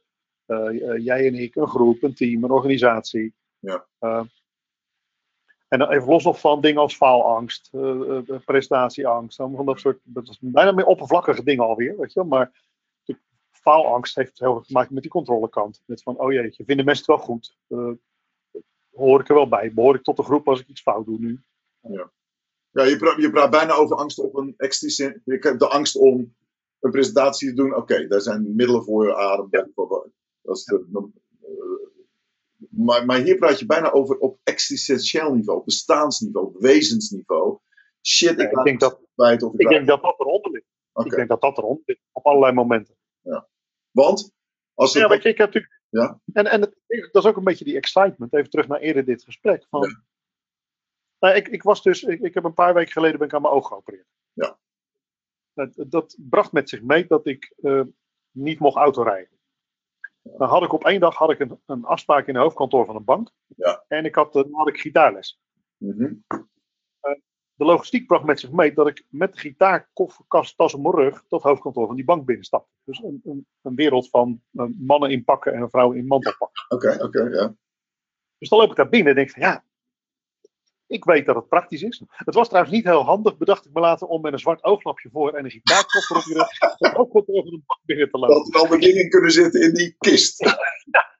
Ja, ik, ik moest ze teleurstellen. je. Helaas geen spannende schietpartijen. Maar goed, dan, dan meld je je daar aan en dan moet je je legitimeren en dan word je in zo'n zo'n loungebank ge, gemanoeuvreerd. Ja. En dan zie ik twee mannen in pakken tegenover me zitten. En inmiddels heb ik daar wel een soort derde oog voor ontwikkeld. Ik zie het als mensen ook in de muziek zitten of iets met muziek hebben. Ja. Twee mannen in pakken. Die ene zat zo te kijken naar die tas. En ik zeg, joh, speel je ook? Ja, zegt hij. Ah, al een tijdje niet meer. Ik pak dat ding en zeg, kom op, spelen, nu. en hij spelen en zingen in die hal. Ja. En er gebeurt gelijk wat. Weet je? Het is wat- iedereen het is leuk, een, een soort we ontspannen wat. Eh, weet je, stopt, mensen stopt met op hun iPhones te kijken. En denk, oh ja, kom. Dat is een Jij prestatie. spelen, ik zing. De device is weg. Nou, Ja, het- Maar dat ook ik aan de voorkant, natuurlijk, spanning is altijd aan de voorkant van het proces. Ja. Weet je, ik vind het spannend destijds om een meisje uit, uit te vragen, totdat ze ja zei, of maar wat nee zei, wat natuurlijk vaker gebeurde. Maar het moment tot ja of nee is spannend. Weet je? En vanaf ja of nee is van, nou kijk, dan is het vervelend of gaaf, weet je wel. Ehm, maar ik denk dat dat moment van ja of nee en dat aangaan, dat is wel gaaf. Maar eh eergisteren werd ik overvallen, zat ik in Utrecht CS, het was een mooie lentedag. En ik zat buiten wat gitaar te oefenen. Eh, en er komt een zwerver naast me zitten, met een gitaar. Ja. Die heeft zijn eigen gitaar bij zich. En toen was ik ineens van, uit mijn koffer. Hij zegt, eh, zullen we samen spelen, zegt hij. ja, tuurlijk. Gaan we doen. Hij, heeft, hij heeft me wat dingetjes geleerd, weet je, en hij heeft zitten zingen. Ik denk, ja, weet je, dit levert contacten op, dit levert dingen op. Dat is zo leuk, weet je. Dat, Nou, als je dan anders. angst, want in feite zeg je, eh, de, de controle is eigenlijk angst voor het onbekende. Eh, affectie eh, heeft met vertrouwen en intimiteit te maken. De, de inclusie hoor ik er nog wel bij. Maar eigenlijk, de, de paradox is natuurlijk dat als je die trickster hebt die zegt, daar gaan we dus wel heen. Je gaat de controle kwijtraken. Je gaat eh, er even niet meer bij horen. Je wordt eenzaam bij wijze van spreken. Je raakt even het vertrouwen kwijt. Want je moet bij wijze van spreken door die angst heen om een deur te openen die daarvoor gewoon niet bestond. Of die je niet als deur, als mogelijkheid zag, zou ik maar zeggen. En blijkbaar is daar een, een, de, ja, de paradox is, oh, ik ben er bang voor. Maar de ultieme uitkomst is, en dan ga, ultiem kun je dit niet vermijden. Wil je iets nieuws openen of wil je iets nieuws laten gebeuren, dan zul je op een kleine manier door die angst heen moeten. Zeker. Ik denk dat dat een, essentie is. Karen- toen in de jaren tachtig heeft Karen Horney dat boek geschreven, Feel the Fear and Do It Anyway. Feel the fear and do it anyway. Er gewoon, ja, ja. Ehm, en ik, ik vermoed dat dat wel een essentie is. En ik denk dat mensen die ons inhuren, die mij inhuren, die dat ook wel snappen. Van oké, wil ik verder komen? Gaat dat ongetwijfeld gepaard met? En er zijn natuurlijk ook vaak momenten, joh, dit doen we eh, achter gesloten deuren, één op één. Weet je, dat hoeft verder niemand te weten. En ik, je moet erop vertrouwen. En het is ook zo dat ik er nooit iets over ga vertellen. Ja. Eh, en we hebben wel die weg te gaan. Weet je, want anders blijf je hetzelfde voor elkaar krijgen. Dat gaat hem ook niet worden. Ja, nee. Nee, want, want dat, dat zou betekenen dat als mensen dat doorhebben, want ik heb wel eens klanten die zeggen, eh, we willen een heel ander congres hebben, en dan hoor ik daaronder, als het maar niet heel anders is, want dat is één. En dan wordt het ingedikt, en, in, ik heb ook wel opdrachten daar niet aangenomen, als het helemaal compleet geprotocoliseerd was, en, en er eigenlijk geen ruimte meer was voor die impro. Ruimte, en dan willen ze eigenlijk wel, dus het- het verlangen is er. En vervolgens gaan we het eh, in, in, een, in een bijna ja, een strak programma zitten, want er moet veel inhoud zijn. En als je dan dieper doorvraagt, is nou, we willen wel interactie. En er zijn absoluut, ik ben net eh, gevraagd voor iets in Duitsland, eh, voor een magazine, die dat wel organiseert. Die zet zelfs de zaal al op een manier die ik altijd graag wil, namelijk dat mensen elkaar zien en dat er interactie. Er is een podium. Dus die veroorzaken die impro, maar daar merk je in de parado- paradox bij een klant. De paradox waar we het over hebben is, oh ik weet dat ik die angst door moet. Het voelt ook aan alsof het moet. En vervolgens ga ik mezelf nu zo in klem zetten in zekerheden dat, dat ik voorkom dat ik die angst door moet. Dan heb je die trickster natuurlijk nodig. Degene die zegt, nou ik geef je vertrouwen en ik geef je op een manier die ik ook niet kan voorspellen een, een, impuls.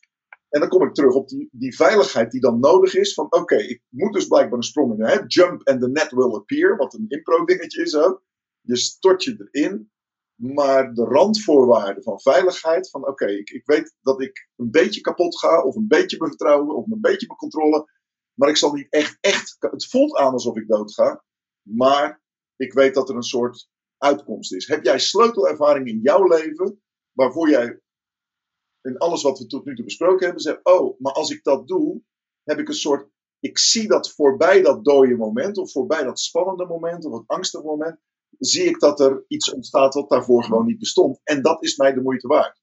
Zijn daar sleutelmomenten of herinneringen waarvan je zegt: Daar put ik mijn zelfvertrouwen uit? Of ben je zelfvertrouwen aangeboren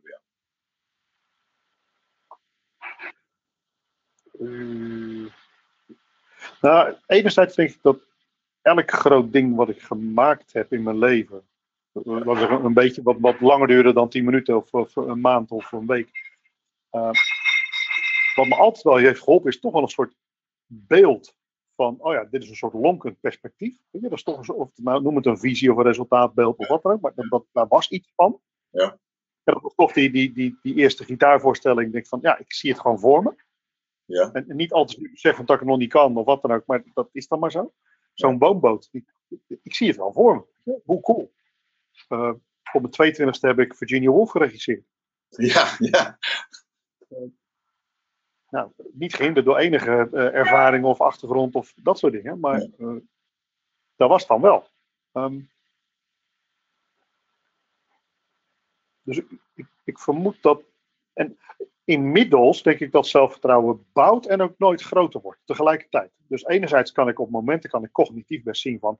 Joh, Frans, je, weet, je hebt nu genoeg ervaring aan de ene kant van. eh, je hebt dit gemaakt en dat gemaakt, dit is gelukt en dat is ook niet goed gelukt, maar de, de meeste dingen zijn wel gelukt. Dus de kans is best groot, gewoon eh, statistisch gezien, wiskunde, dat dit gaat lukken. Ja. En tegelijkertijd, zo werkt het niet. Nee. Eh, elke nieuwe ervaring is ook weer spannend. Ja. Ik heb laatst met mijn, met mijn zanglerares zat ik, ik zeg, als ik heel eerlijk ben, ik wil gewoon binnenkort wil ik eh, straatmuzikant, straatmuziek gaan maken. Ja. Ik vind het doodeng, maar ik weet dat ik moet werken aan mijn volume. Ik weet dat ik iets moet doen met mijn entertainment en met die gitaar. Ja. En er is, er is geen reden in de wereld om dat te gaan doen. Weet je? Is, ik, moet dat, ik moet het gewoon niet doen. Heb ik dat al gezegd dat ik het niet moet doen? en ik voorspel dat ik het wel ga doen. Dat ik ook, en ik, want ik heb blijkbaar ook die angsten nodig. Omdat ik van ja, ik ga daar gewoon zitten op dat kloterige Buikslotermeerplein. En, en dat achterlijke winkelcentrum waar niemand dood gevonden wil worden. En ik ga daar zitten en spelen. Ja, En ik loop er nog wat voor weg. Maar als ik even in dit moment praat, is dat zo'n voorbeeld van. Oh ja, mijn god, weet je, kan ik niet nog zes. ik- Voor mij moest ik nog geïnterviewd worden door Sjors. Want dan kan ik het nog even uitstellen. nou, ik ben bij de eerste straatshows in begin jaren negentig. En dat is een van mijn grootste angstmomenten geweest, kan ik je vertellen. Ik, ik ging naar Nou ja, ja, ja, ja, nee, dit helpt. Nee. Ja, ja, dus dan ga je even lekker een eh, golf opgooien. Maar, maar dat zit letterlijk op de kern. En daar moet je doorheen. Want ik weet dat ik. eh toen waren nog geen eh smart of eh, geen mobiele telefoons of zo. En ik wilde dat ook doen, dezelfde redenen. Maar je had zelfs een pak gemaakt, groot, weer, eh, gewoon, gewoon keurig. En ik op naar Hoog Katerijnen toe. Ook, ook niet gehinderd door, mag dit wel of wat dan ook, ik ga het gewoon doen. En ik kwam eraan, de angst sloeg toe en ik, werd helemaal, ik blokkeerde helemaal. Toen ben ik naar een eh, zo'n betaaltelefoon toegegaan. Eh, en ik heb mijn vrouw opgebeld. Ze nou, ik doe het toch maar niet. Waarop mijn vrouw me ging uitschelden. ik heb dat pak gemaakt voor je. Je komt niet eerder terug dan dat je tien minuten, uiteindelijk met een drie kwartier. Maar dat is dat die drempel van angst. Er zit blijkbaar iets in. Ik moet dit doen, ik wil dit doen, ik bereid het voor. En dan kom ik, het wordt ook nooit echt minder. Want het is net zoals bij als je lekker op het strand ligt. Hè? Je bent helemaal warm, de zon, en dan ga je de zee in, dan is het koud. Dat zal ook nooit verminderen, dan is het altijd koud. Alleen je weet beter. Oh, na die kou, na drie minuten ben ik wel gewend en dan, eh, dan zit ik erin. Dus ik snap wel wat je zegt daarin. En ik kan je alleen maar vertellen dat, dat het absoluut de moeite waard is. Want ik draai nog steeds op een aantal acts die ik daar ontwikkeld heb. Rondom acts. En eh, die, die me de gelegenheid hebben. Dus het, dat, dat vertrouwen dat het iets zal opleveren, al weet ik niet wat het is, dat is een ongrijpbaar gevoel, maar wel een soort, ja, het klinkt raar, een, een soort zeker vermoeden. Als ik daar doorheen ga, als ik op die angst afga, gaat dat me iets opleveren. En ik weet niet wat, maar ik weet wel dat het de moeite waard zal zijn. Nou, voor mij is daar een woord voor, dat heet ervaring. Ook. Ik- Anders heb ik geen ervaring. Ja, ja. Eh, en ja, het gaat dingen opleveren. Weet je. Maar even terug van dus. Het, het is ook het beseffen dat het oké is dat het nooit minder gaat worden. Dus dat, ik, ik douche nu al drie, vier jaar elke dag koud. ja dat doe ik ook. Ja. Nou, ja. Waarom, waarom doe jij het? Nou ja, het was ooit een keer begonnen als een soort challenge, weet je, op zo'n zo'n Facebook-ding en met een hardloper. Ook- Er is een hardloopgroepje. Ja. En, het, het is ook, en er is ook een soort TED-talk van of iets, weet je, van nou, dat, het is ook om aan te tonen dat je tegenslag kunt hebben. Of dat je, dat je, Ah. eh, weet je, Ja, ja, ja. Ik, nou, het is vast te googlen, maar er is een, een verhaaltje bij. Oké. Ehm, en elke ochtend is het ook de eerste. Nou ja, inmiddels sta ik bijna te zingen en te fluiten onder de koude douche. Dus dat zegt Chris ook van: jij bent niet, jij bent goed wijs. Dat klopt. Ja. Eh, en het is gewoon ook, het moment is even, ja, het is gewoon echt niet fijn, weet je. Ja. En, en ik, ik benut het inmiddels dat elke dag als ik onder die koude douche stap, dat ik tijdens dat koude douche ook iets besef voor die dag van, oh ja, wat is iets waar ik nu voor wegloop, wat ik liever een beetje weg wil van, maar wat wel handig is om te doen of belangrijk is om te doen. Ja. Misschien moet je enige afbellen of dat mailtje sturen of eh, dat klusje aanpakken of weet ik wat. Ja. Nou, dat loutert wel. Weet je, natuurlijk, dus, natuurlijk, als je dat honderd keer ervaren hebt, dan eh, helpt dat iets. Ja, ja. En, en je neemt nooit volledig weg. Weet je, dus het, het- het- je angst en onzekerheid blijft altijd je angst en je onzekerheid. Ja. En Ja, het is- ja, oké. Dus het, het onverstandige zou zijn. In het kleine boek van de creativiteit heb ik op een gegeven moment geschreven: onzekerheid is een creatieve bron. Eh, dus ga nou niet onzekerheid wegnemen door het zogenaamd zeker te maken, want dat is een onderdeel van elk creatief proces. Je faalt voorwaarts als het ware. Alleen het blijft een ongemakkelijk gevoel. Dus jij zegt, maar op het moment dat je dat meerdere keren ervaren hebt, dan weet je dat dat zo is. En is het niet meer rechtsomkeerd, ik ben onzeker, dat moet ik zien te vermijden. Door, eh, maar het is, het is the price of admission, zou ik maar zeggen. Het, het hoort bij het proces. ja, zoals Robert Fritz ooit eens een keer zei van, how, how else are you going to learn? Ja, dat kun je rationeel beseffen, maar de ervaring zelf is van, wel. En dat is, En, en het blijft ja. Maar goed, en ik denk ook wel van. eh, ik, ik doe dat gedoseerd. Nou ja, toch soms ook niet door een soort, soort grote stap zetten, maar eh, eh, hier in Zeppos in Amsterdam optreden, twee liedjes spelen. Ja. weet je, het, is ook mijn neef erbij betrekken, regisseur betrekken, zorgen dat je langzaam maar zeker een voorstelling bouwt. Nou, ik heb met jou die workshop toen een keer gedaan. ik ben blauw, ja. dat zijn stappen die, die bijdragen om te zorgen dat, dat je tot iets komt. Ja. Eh, maar het is ook kwetsbaar. Muziek is kwetsbaar, zingen is kwetsbaar. Dus, dus ik zoek ook kwetsbare dingen op. Ja. Maar ik zou het voor geen goud willen missen. Omdat ik denk, ja, wat, is het alternatief? Dat is een soort onkwetsbaar Elkocht om half negen in een eh, driedelig grijs pak naar een, een of ander vaag kantoorgebouw gaan. En dan 's middags om zeven uur weer weggaan s'avonds. Ja, ja. Dat is mijn leven niet. Nee. Uh, dit is mooier. Ik, ik vind ontmoetingen mooi. Weet je, ik, ik heb sinds ik gitaar speel buiten op terrasjes en cafés ik zelf wel leuke ontmoetingen gehad. Die ik Ja. anders nooit gehad zou hebben. Nee. Ik zat vorige week, moest naar een klant in Middelburg. En toen besloot ik met de trein te gaan. Uh, en ik heb zo'n eerste klas abonnement. Ja. En daar zitten altijd mensen van de NS. Ja, die, en dan krijg je een praatje. En dan, het is een hele kerel die allemaal er- erge dingen die hij dan meegemaakt heeft. Maar ook wat hij mooie muziek vindt. En ik ging de akkoord opzoeken. En dan gingen we samen zingen en spelen. Ja, Ja. dit is wel goud waard. Dit vind ik leuk. Weet je? Dit- Ja. eh, Jij, jij hebt een boek geschreven ook over eigenaarschap, hè? Ja. Want in feite wat ik hier terug hoor is I own my life soort van. Hè? Want eigenaarschap is natuurlijk een vertaling van ownership. Maar ownership is een iets rijkere uitdrukking in het Amerikaans dan wat het in het Nederlands bijna oplevert. Maar het is van I'll own my mistakes. I'll own my life. I'll own... Oftewel, je, het lijkt erop, ik noem het in mijn taal vaak een soort eerstehands leven. Van goh, dit is wat me eerlijk gezegd drijft. Daar spreek ik de waarheid over. Dit zijn de consequenties. Daar horen fantastische dingen bij, ontmoetingen. Er is ook een, een, een, een prijs van eh, toegang, zou ik maar zeggen. Eh, Ik weet niet hoe het Nederlands vertelt, maar de, de, eh, de, ja, denk ik. En dat heeft te maken met het toestaan van onzekerheid, het, snappen dat, dat er on- ongemakkelijke momenten in zitten, eh, waar je inderdaad je, je, je hulp bij hebt. Is dat ook wat je met dat boek eigenschap eh, of eigenaarschap wil zeggen? Is, is dit een van de kernen?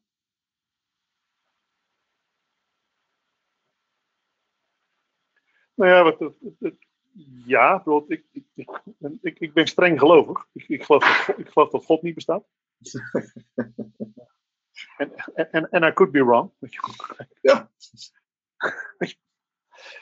En, en ik denk dat dit wel het leven is. Weet je? Dat is een keer begonnen, dat houdt een keer op. En ik denk dat je, ja, weet je, dat- en misschien ben ik ook wel een, een ultieme veiligheidszoeker hoor. Misschien is er nog een leven hierna. Maar ik denk, nou ja, in, in het geval dat dat niet zo is, wil ik in ieder geval dit leven wat maken. Oké, Oké, ja. En ik raad jou van harte aan dat ook te doen. Ja, Stel dat je aan het eind van het leven, denkend dat er nog een leven is, erachter komt dat dit het was, dat is wel een chagrijnig moment dan, toch? Dat, dat lijkt me geen fijne manier van sterven. Ehm, maar, maar, binnen die nuchterheid, of binnen hoe ik daarover denk, eh, denk ik van ja, maak er wat van. Eh, eh, doe er wat mee. Weet je, draag bij. Dat zijn natuurlijk dingen die ook ongrijpbaar zijn, zoals het why soms ongrijpbaar is. Maar take ownership for your life, zeker weten. Ja. Ehm, dat daarin angst voorkomt, ja. Uh, nou, ik zat gisteren met iemand te praten. In, in dat boek eh, beschrijf ik liedteksten. Een van die liedteksten gaat, is eh, Billy Joel. Dat ja, is het nummer van eh, You're Only Human. Ja. En daarin zit een prachtige citaat weet je, over, over fouten. Weet je, mistakes, they are the only thing that you can truly call your own. ja, ja, ja. En dat is natuurlijk mooi, want je kan wel zeggen van ik heb een huis, of ik heb een boot, of ik heb een, een gitaar, of ik heb een auto. Maar de fouten die je gemaakt hebt, die zijn echt van jou. Dat is genoeg. Onvervreemdbaar. Ja. Onbevreemd. Ja, niemand wil ze hebben. Je kan ze niet verkopen. Dus ik- je kan ze op marktplaats niet kwijt. Weet je wel. Nee. Is- Ze waren van jou, ze zijn van jou, ze zullen van je blijven. Ja. Ehm, als, als, als je niet bereid bent fouten te maken of, of te experimenteren of contact te maken of dingen aan te gaan of dingen te proberen, ja, volgens mij scheer je dan langs het leven. Dat vermoed ik.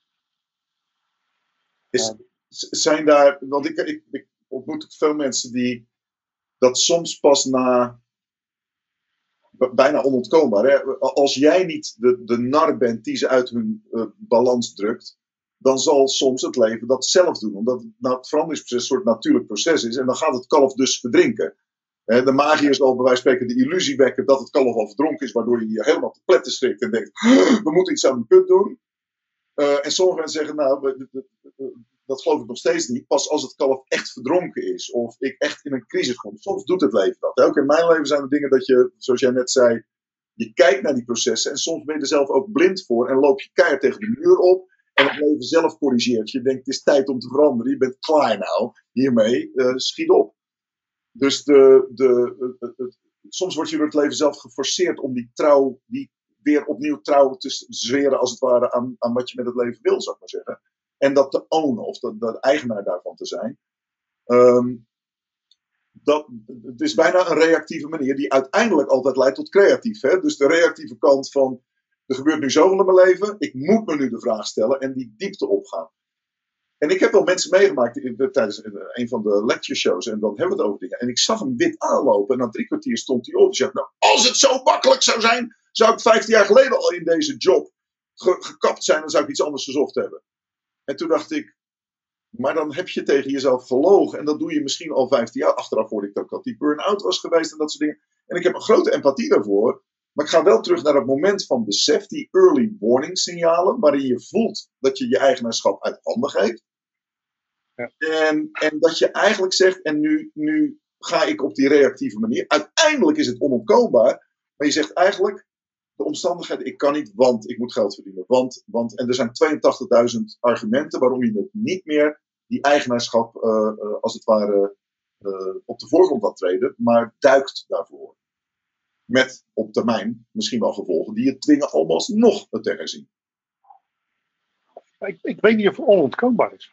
Nee? Hier tegenover deze sloot zit een, is een verzorgingstehuis. Ja. Ik, heb, ik heb het nog nooit gedaan, maar het zou een interessant experiment zijn. Maar ik vermoed dat daar mensen zitten van in de negentig. Ja.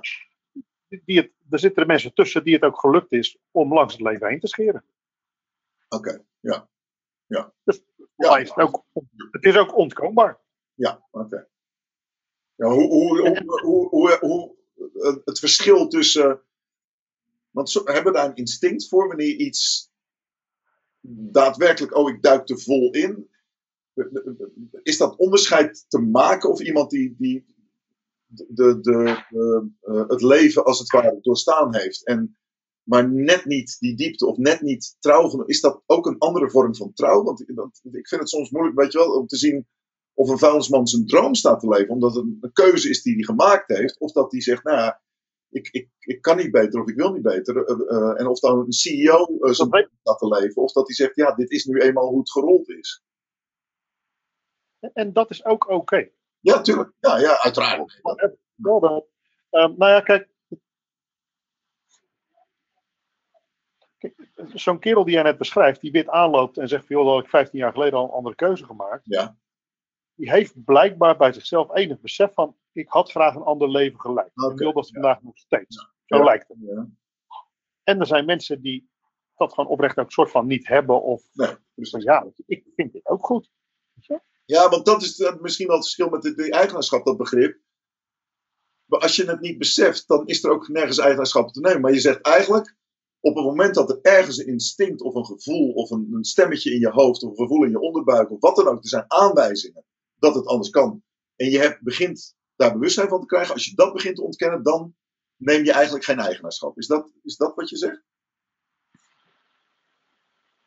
Ja, en, en nou, ik zie het nog wel eens in een andere vorm. Dat mensen na een jaar of wat beginnen te mopperen en te klagen tegen hun werkgever of over het leven. Of, en denk, ja, weet je wel, je hebt een keuze. Je, je hoeft hier niet te werken. Ja. Eh, je hoeft niet bij deze partner, met deze partner het leven door te brengen. Eh, your choice. Ja. En dan krijg je allerlei mits en maar. Ja, maar mijn kinderen studeren, moeilijk, hypotheek. Ja, Ja, ja, ja. niet hoor. Bedoel, dat moet jij weten, weet je wel. Ja. Eh, ik, ik, ik vind jou een minder prettig mens om met je om te gaan als jij standaard in een soort klagen-moppermodus zit. Ja. Nou, is dat niet zo relevant, want ik zie je maar een paar uur in deze maanden en daarna zie ik je nooit meer, of misschien nog een dagje ergens. Ja. Ik red me wel, daar gaat het niet om. Ja. Eh, het zou kunnen zijn dat andere mensen jou ook daar niet zo prettig mensen mee vinden. En ultiem kan het zo zijn dat je jezelf niet zo'n prettig mens vindt. Dat weet ik niet. Ja. Eh, dat jij wellicht iets, dat dit een start kan zijn van een worsteling, zoals zo'n wit wegtrekken een start kan zijn van een worsteling. Ja. Of, eh, nou ja, een, een keer die training, er was toen een keer een training van een kerel die, die zat in de IT, succesvolle job, die ging toen boer worden, weet ik nog wel. Ja. Eh, en dan denk ik, ja, cool, weet je, doe dat, weet je, ja, ja, go for it, weet je. Is het niks dan. en als je niet wil, doe je het ook niet. Ja, ja, ja. Ehm, ik, ik, wat, wat me wel raakt is dat nogal wat mensen, lang niet allemaal, maar nogal wat mensen, die hebben heimelijk stiekem of ergens een stukje van, oh ja, dit zou ik stiekem wel willen, of dit zou ik wel gaaf vinden, of dit zou ik Ja. wel voor elkaar willen krijgen, of dit zou ik wel bij willen dragen. En, en zich laten overroelen door de mitsen, de maren, de onzekerheden, de, de, de, de straminen, de controleangst, de, de whatevers. Ja. Daar wil ik graag een bijdrage aan leveren van, joh, kijk daar nog eens naar. Weet je wel. En, en dan neem dan ownership. Dat, dat is dan die term die ik inderdaad daarin gebruik. Van, eh, begin maar eens te maken met wat er voor jou toe doet, wat je belangrijk vindt. En dat alleen al kan hartstikke spannend zijn. Ja. Dat was mijn interactiemoment in die theatervoorstelling. Van, nou, kies maar iemand uit, iemand die je niet kent. Van één minuut, komend half jaar, wat wil je voor elkaar krijgen? Iets. Ehm, maar het is ook bevrijdend. Ik zeg, joh, het is een soort veilig, het is een soort biecht naar, naar een priester. Weet je? Het is iemand die je echt niet kent. Ja. Ook al werkt hij bij hetzelfde bedrijf, er zit altijd wel iemand in deze 80 man die je niet kent. Gewoon één minuut en de andere support je. Die is alleen maar nieuwsgierig en die is alleen maar van, oh cool, gaaf. Ja, ja, ja. Dan gebeurt er al wat. Weet je? Dus, en dat, daarmee wakker ik natuurlijk ook wel dat stukje aan van, ja, dit is wat je ook wil. Weet je? Dit, Ja. eh, en of je nou onderwijzer bent, eh, politieman, eh weet ik wat, bankier of verzekeraar of whoever. Het is goed om dat stuk ook te, te zien. En, en daar ook aandacht aan te besteden. Daar ook eerlijk in te zijn. Ja. Ehm, en ik, ik, ik noem regelmatig, je moet gruwelijk eerlijk zijn. Je, je moet niks, maar wil je, wil je ownership nemen, dan helpt gruwelijke eerlijkheid. ja, ja, ja. En, en de eerlijkheid is namelijk soms gruwelijk. Ja. Omdat je weet, oké, dit kan ik niet, eh, dit durf ik niet, dit vind ik spannend. Ja, dat is zo. Weet je wel. Ehm, dit is een patroontje, ik loop al zes keer weg, ik had al vier keer op, op straat moeten zitten spelen, ik heb het nog niet gedaan en het gaat er vast een keer van komen, maar vandaag even niet, weet ik wel. Ja, dus, dit- ja, ja dan wat ik noemde, de, die, dat, dat principe van, hey, als, als je die waarheid, of die gruwelijk eerlijke waarheid spreekt, dan, dan begint er iets te gebeuren. Dan transformeert de werkelijkheid psychologisch. Of, Ja. En dat Ja. betekent dus dat je ook waarneemt in jezelf dat je eigenlijk over iets aan het liegen bent. Bij wijze van spreken van, ik had dit al lang moeten doen. Daar zijn nou, de bekende drempels. Dat is voor iedereen natuurlijk anders, maar we stellen dat uit. Terwijl we eigenlijk ook weten dat als we die ownership nemen, eh, of die eigenaarschap in jouw termen, dat we eh, eh, uiteindelijk kunnen we het niet ontsnappen, want we kunnen niet blijven. Althans, in jouw geval, je kunt daar niet over blijven liegen. Je zult daar echt veel last van krijgen als je dat. Nou ja, dat kan wel, maar dan ben je dat aan het doen. Ja, ja oké. ja, ja, oké. ja, ja, ja. Dus dan moet je met die, Probeer echt mensen- zoveel mogelijk vrijheid te creëren. Weet je, van, joh, ja, je kan er ook door liegen. Ja. Maar zijn we het er met z'n tweeën over eens dat het wel een leugen is? ja, oké. ja, ja. En, en dat kan, maar dat, ja, dat is dan wat je doet. Ja. Dan, dan richt je je leven niet rondom een paar cruciale leugens. Ja. Eh, ja, weet je, dat zou mijn leven niet zijn, geloof ik. Nee, oké. dus, nou, Daar, daar ga ik verder niet over. Weet je? Ik bedoel,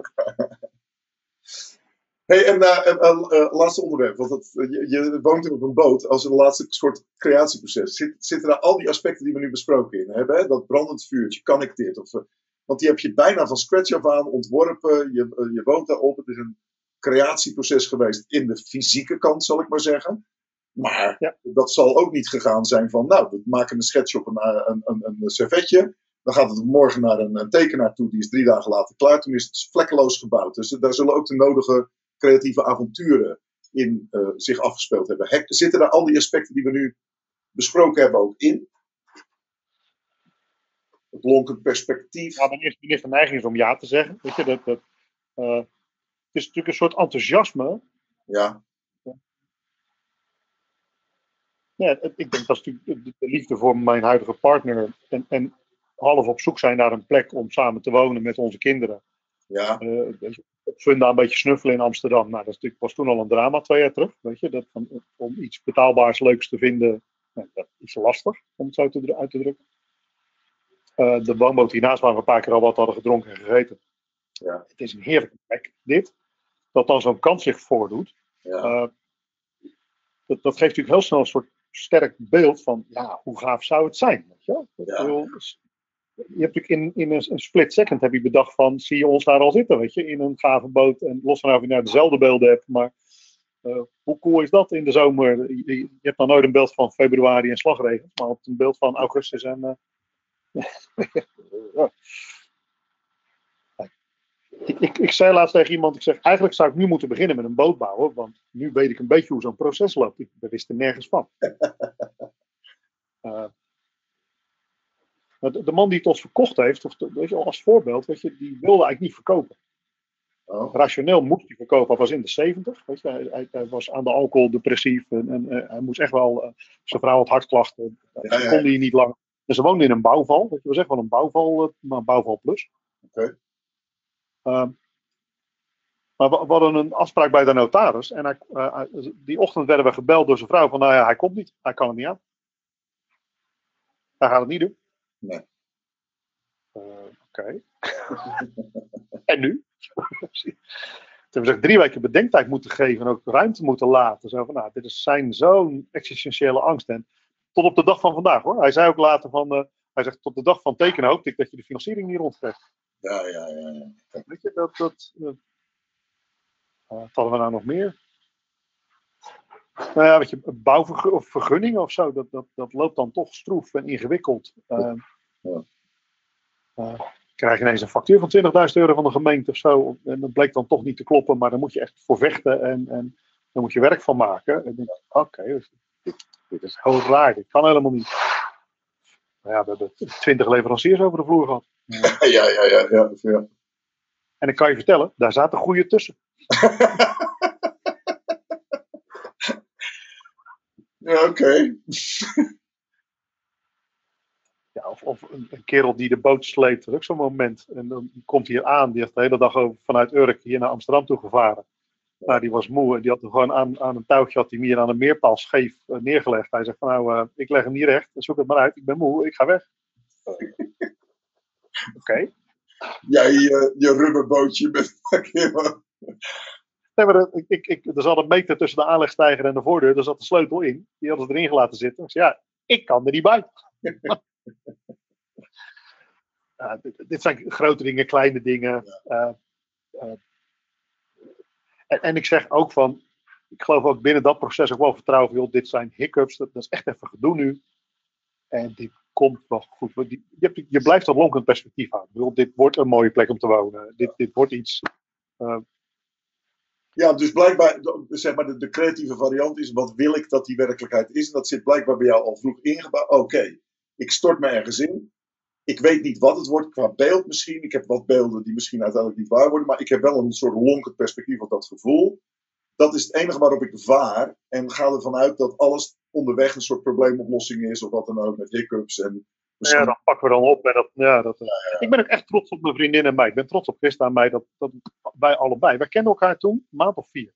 Ja, zo. Ja, ja. Dus... Oké. En dat we dat we elkaar toen aankeken van, ik zei, ja, weet je, nou, natuurlijk, in theorie lukt het niet tussen ons. Weet je, dat kan ook tot vandaag nog, volgend jaar. Ja. Ik zeg, weet je, dit ding is ook al wel weer verkoopbaar, dat geloof ik ook, weet je. Dat, eh, ja, we gaan dit gewoon doen. En ik ben wel trots dat we dat met z'n tweeën allebei aangegaan zijn. Van, oké, dat... En toen kom je elkaar dan ook tegen, ook met z'n tweeën van, eh, dit- ik wil dit en jij wil dat, en, en nou, noem maar op. Eh, maar ik, ik ben er wel trots op dat we dit voor elkaar gekregen hebben. Ja. En, en het is ook van, als mensen nu bezoeken, bijna iedereen die hier langskomt, er zijn er altijd wel een paar die er niks mee hebben, maar verreweg de meeste die van, oh wauw, cool, weet je, nou, dit zou ik wel, hier zou ik wel willen wonen. Ja. Ja weet je, er, er zijn veel minder mensen die het willen maken.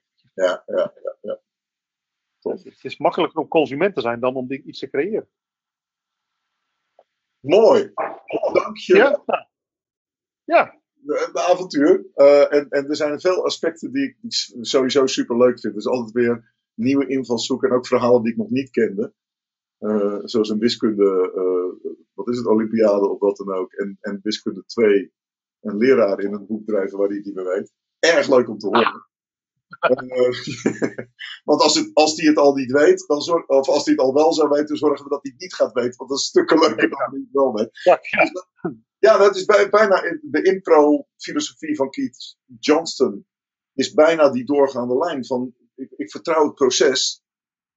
En ik, ik vaar op iets waarvan je in het midden ergens hebt gezegd, en dat is ook trainbaar. Die manier van kijken naar dat onzichtbare, naar dat gevoel of naar de processen. Eh, en dat, dat is een laatste vraag die ik je wil stellen. Als je dat niet ziet, maar dat is zo'n een wezenlijk aspect dat je zegt: Ik weet dat als er iets gebeurt, maar weten is niet cognitief weten, in je hoofd of in de boeken weten. Maar er is een, een, iets wat me vertelt: Dit is oké om te doen. Met al die angsten, misschien verdriet of weerstanden, met eh, verlangen, hoop, eh, al die emoties die met mensen een rol spelen. Dat gaat wel goed komen. Of het nou gaat over een boot die gebouwd wordt, of het nou gaat over eh, in een organisatie die interacties een werk laten doen en, en dat soort dingen. Als dat trainbaar is, als dat, eh, eh, eh, heb jij ervaring met. Natuurlijk, de, de ervaring zelf leert je dat, maar als, eh, eh, heb je het andere mensen bijvoorbeeld kunnen leren? Of hun, hun derde oog, laten we maar even in die metafoor houden, kunnen openen voor het zien van dat, dat type werkelijkheid, wat blijkbaar een wezenlijk onderdeel is in dat creatief proces, in dat scheppingsproces. in essentie beschrijf je het werk wat ik doe. Ja, oké, ja.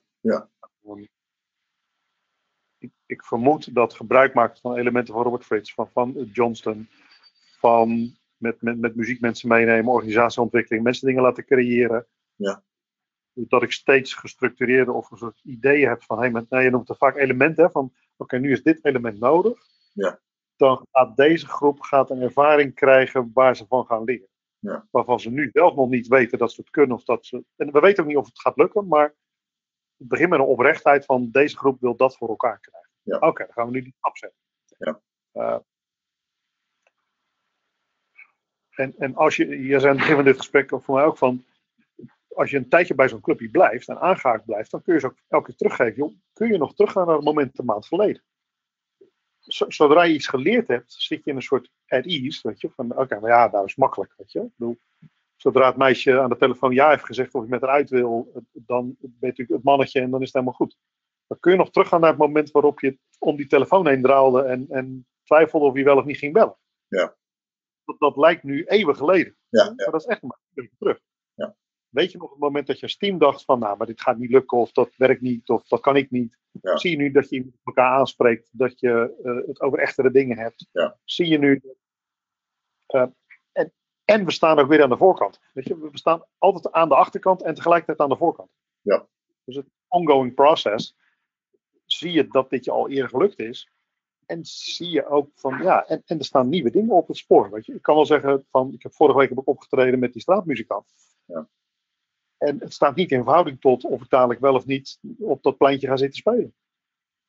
Die, dat, dat is altijd ook weer een nieuw ding. Ja.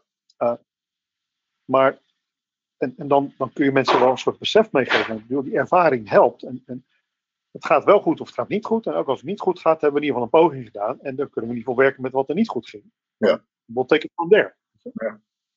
Eh, als ik nu de auto instap en ik wil naar Rome, dan misschien rijd ik drie keer verkeerd. En dat is ook oké. dan vergaat de wereld niet, want Rome bestaat dan nog steeds. Eh, en dan ga ik dan wel kijken hoe ik me red. Weet je. Nou, het, het helpt wel in het leven als je dat aangaat. Dankjewel voor je. Nee, ja, ja. Zijn, zijn er nog dingen die jij kwijt wil op dit moment? Of, of heb je. Nee, ik hou die boot niet zelf.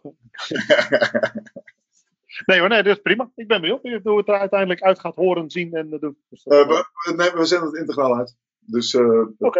eh, het, was een geweldige eh, rollercoaster eh, gesprek, verdiepingen, verhalen en lol. Dus ik heb ervan genoten in ieder geval. Ontzettend bedankt dat je mee wilt doen. Ik ook. Hey, dankjewel man. Doei. Hoi hoi.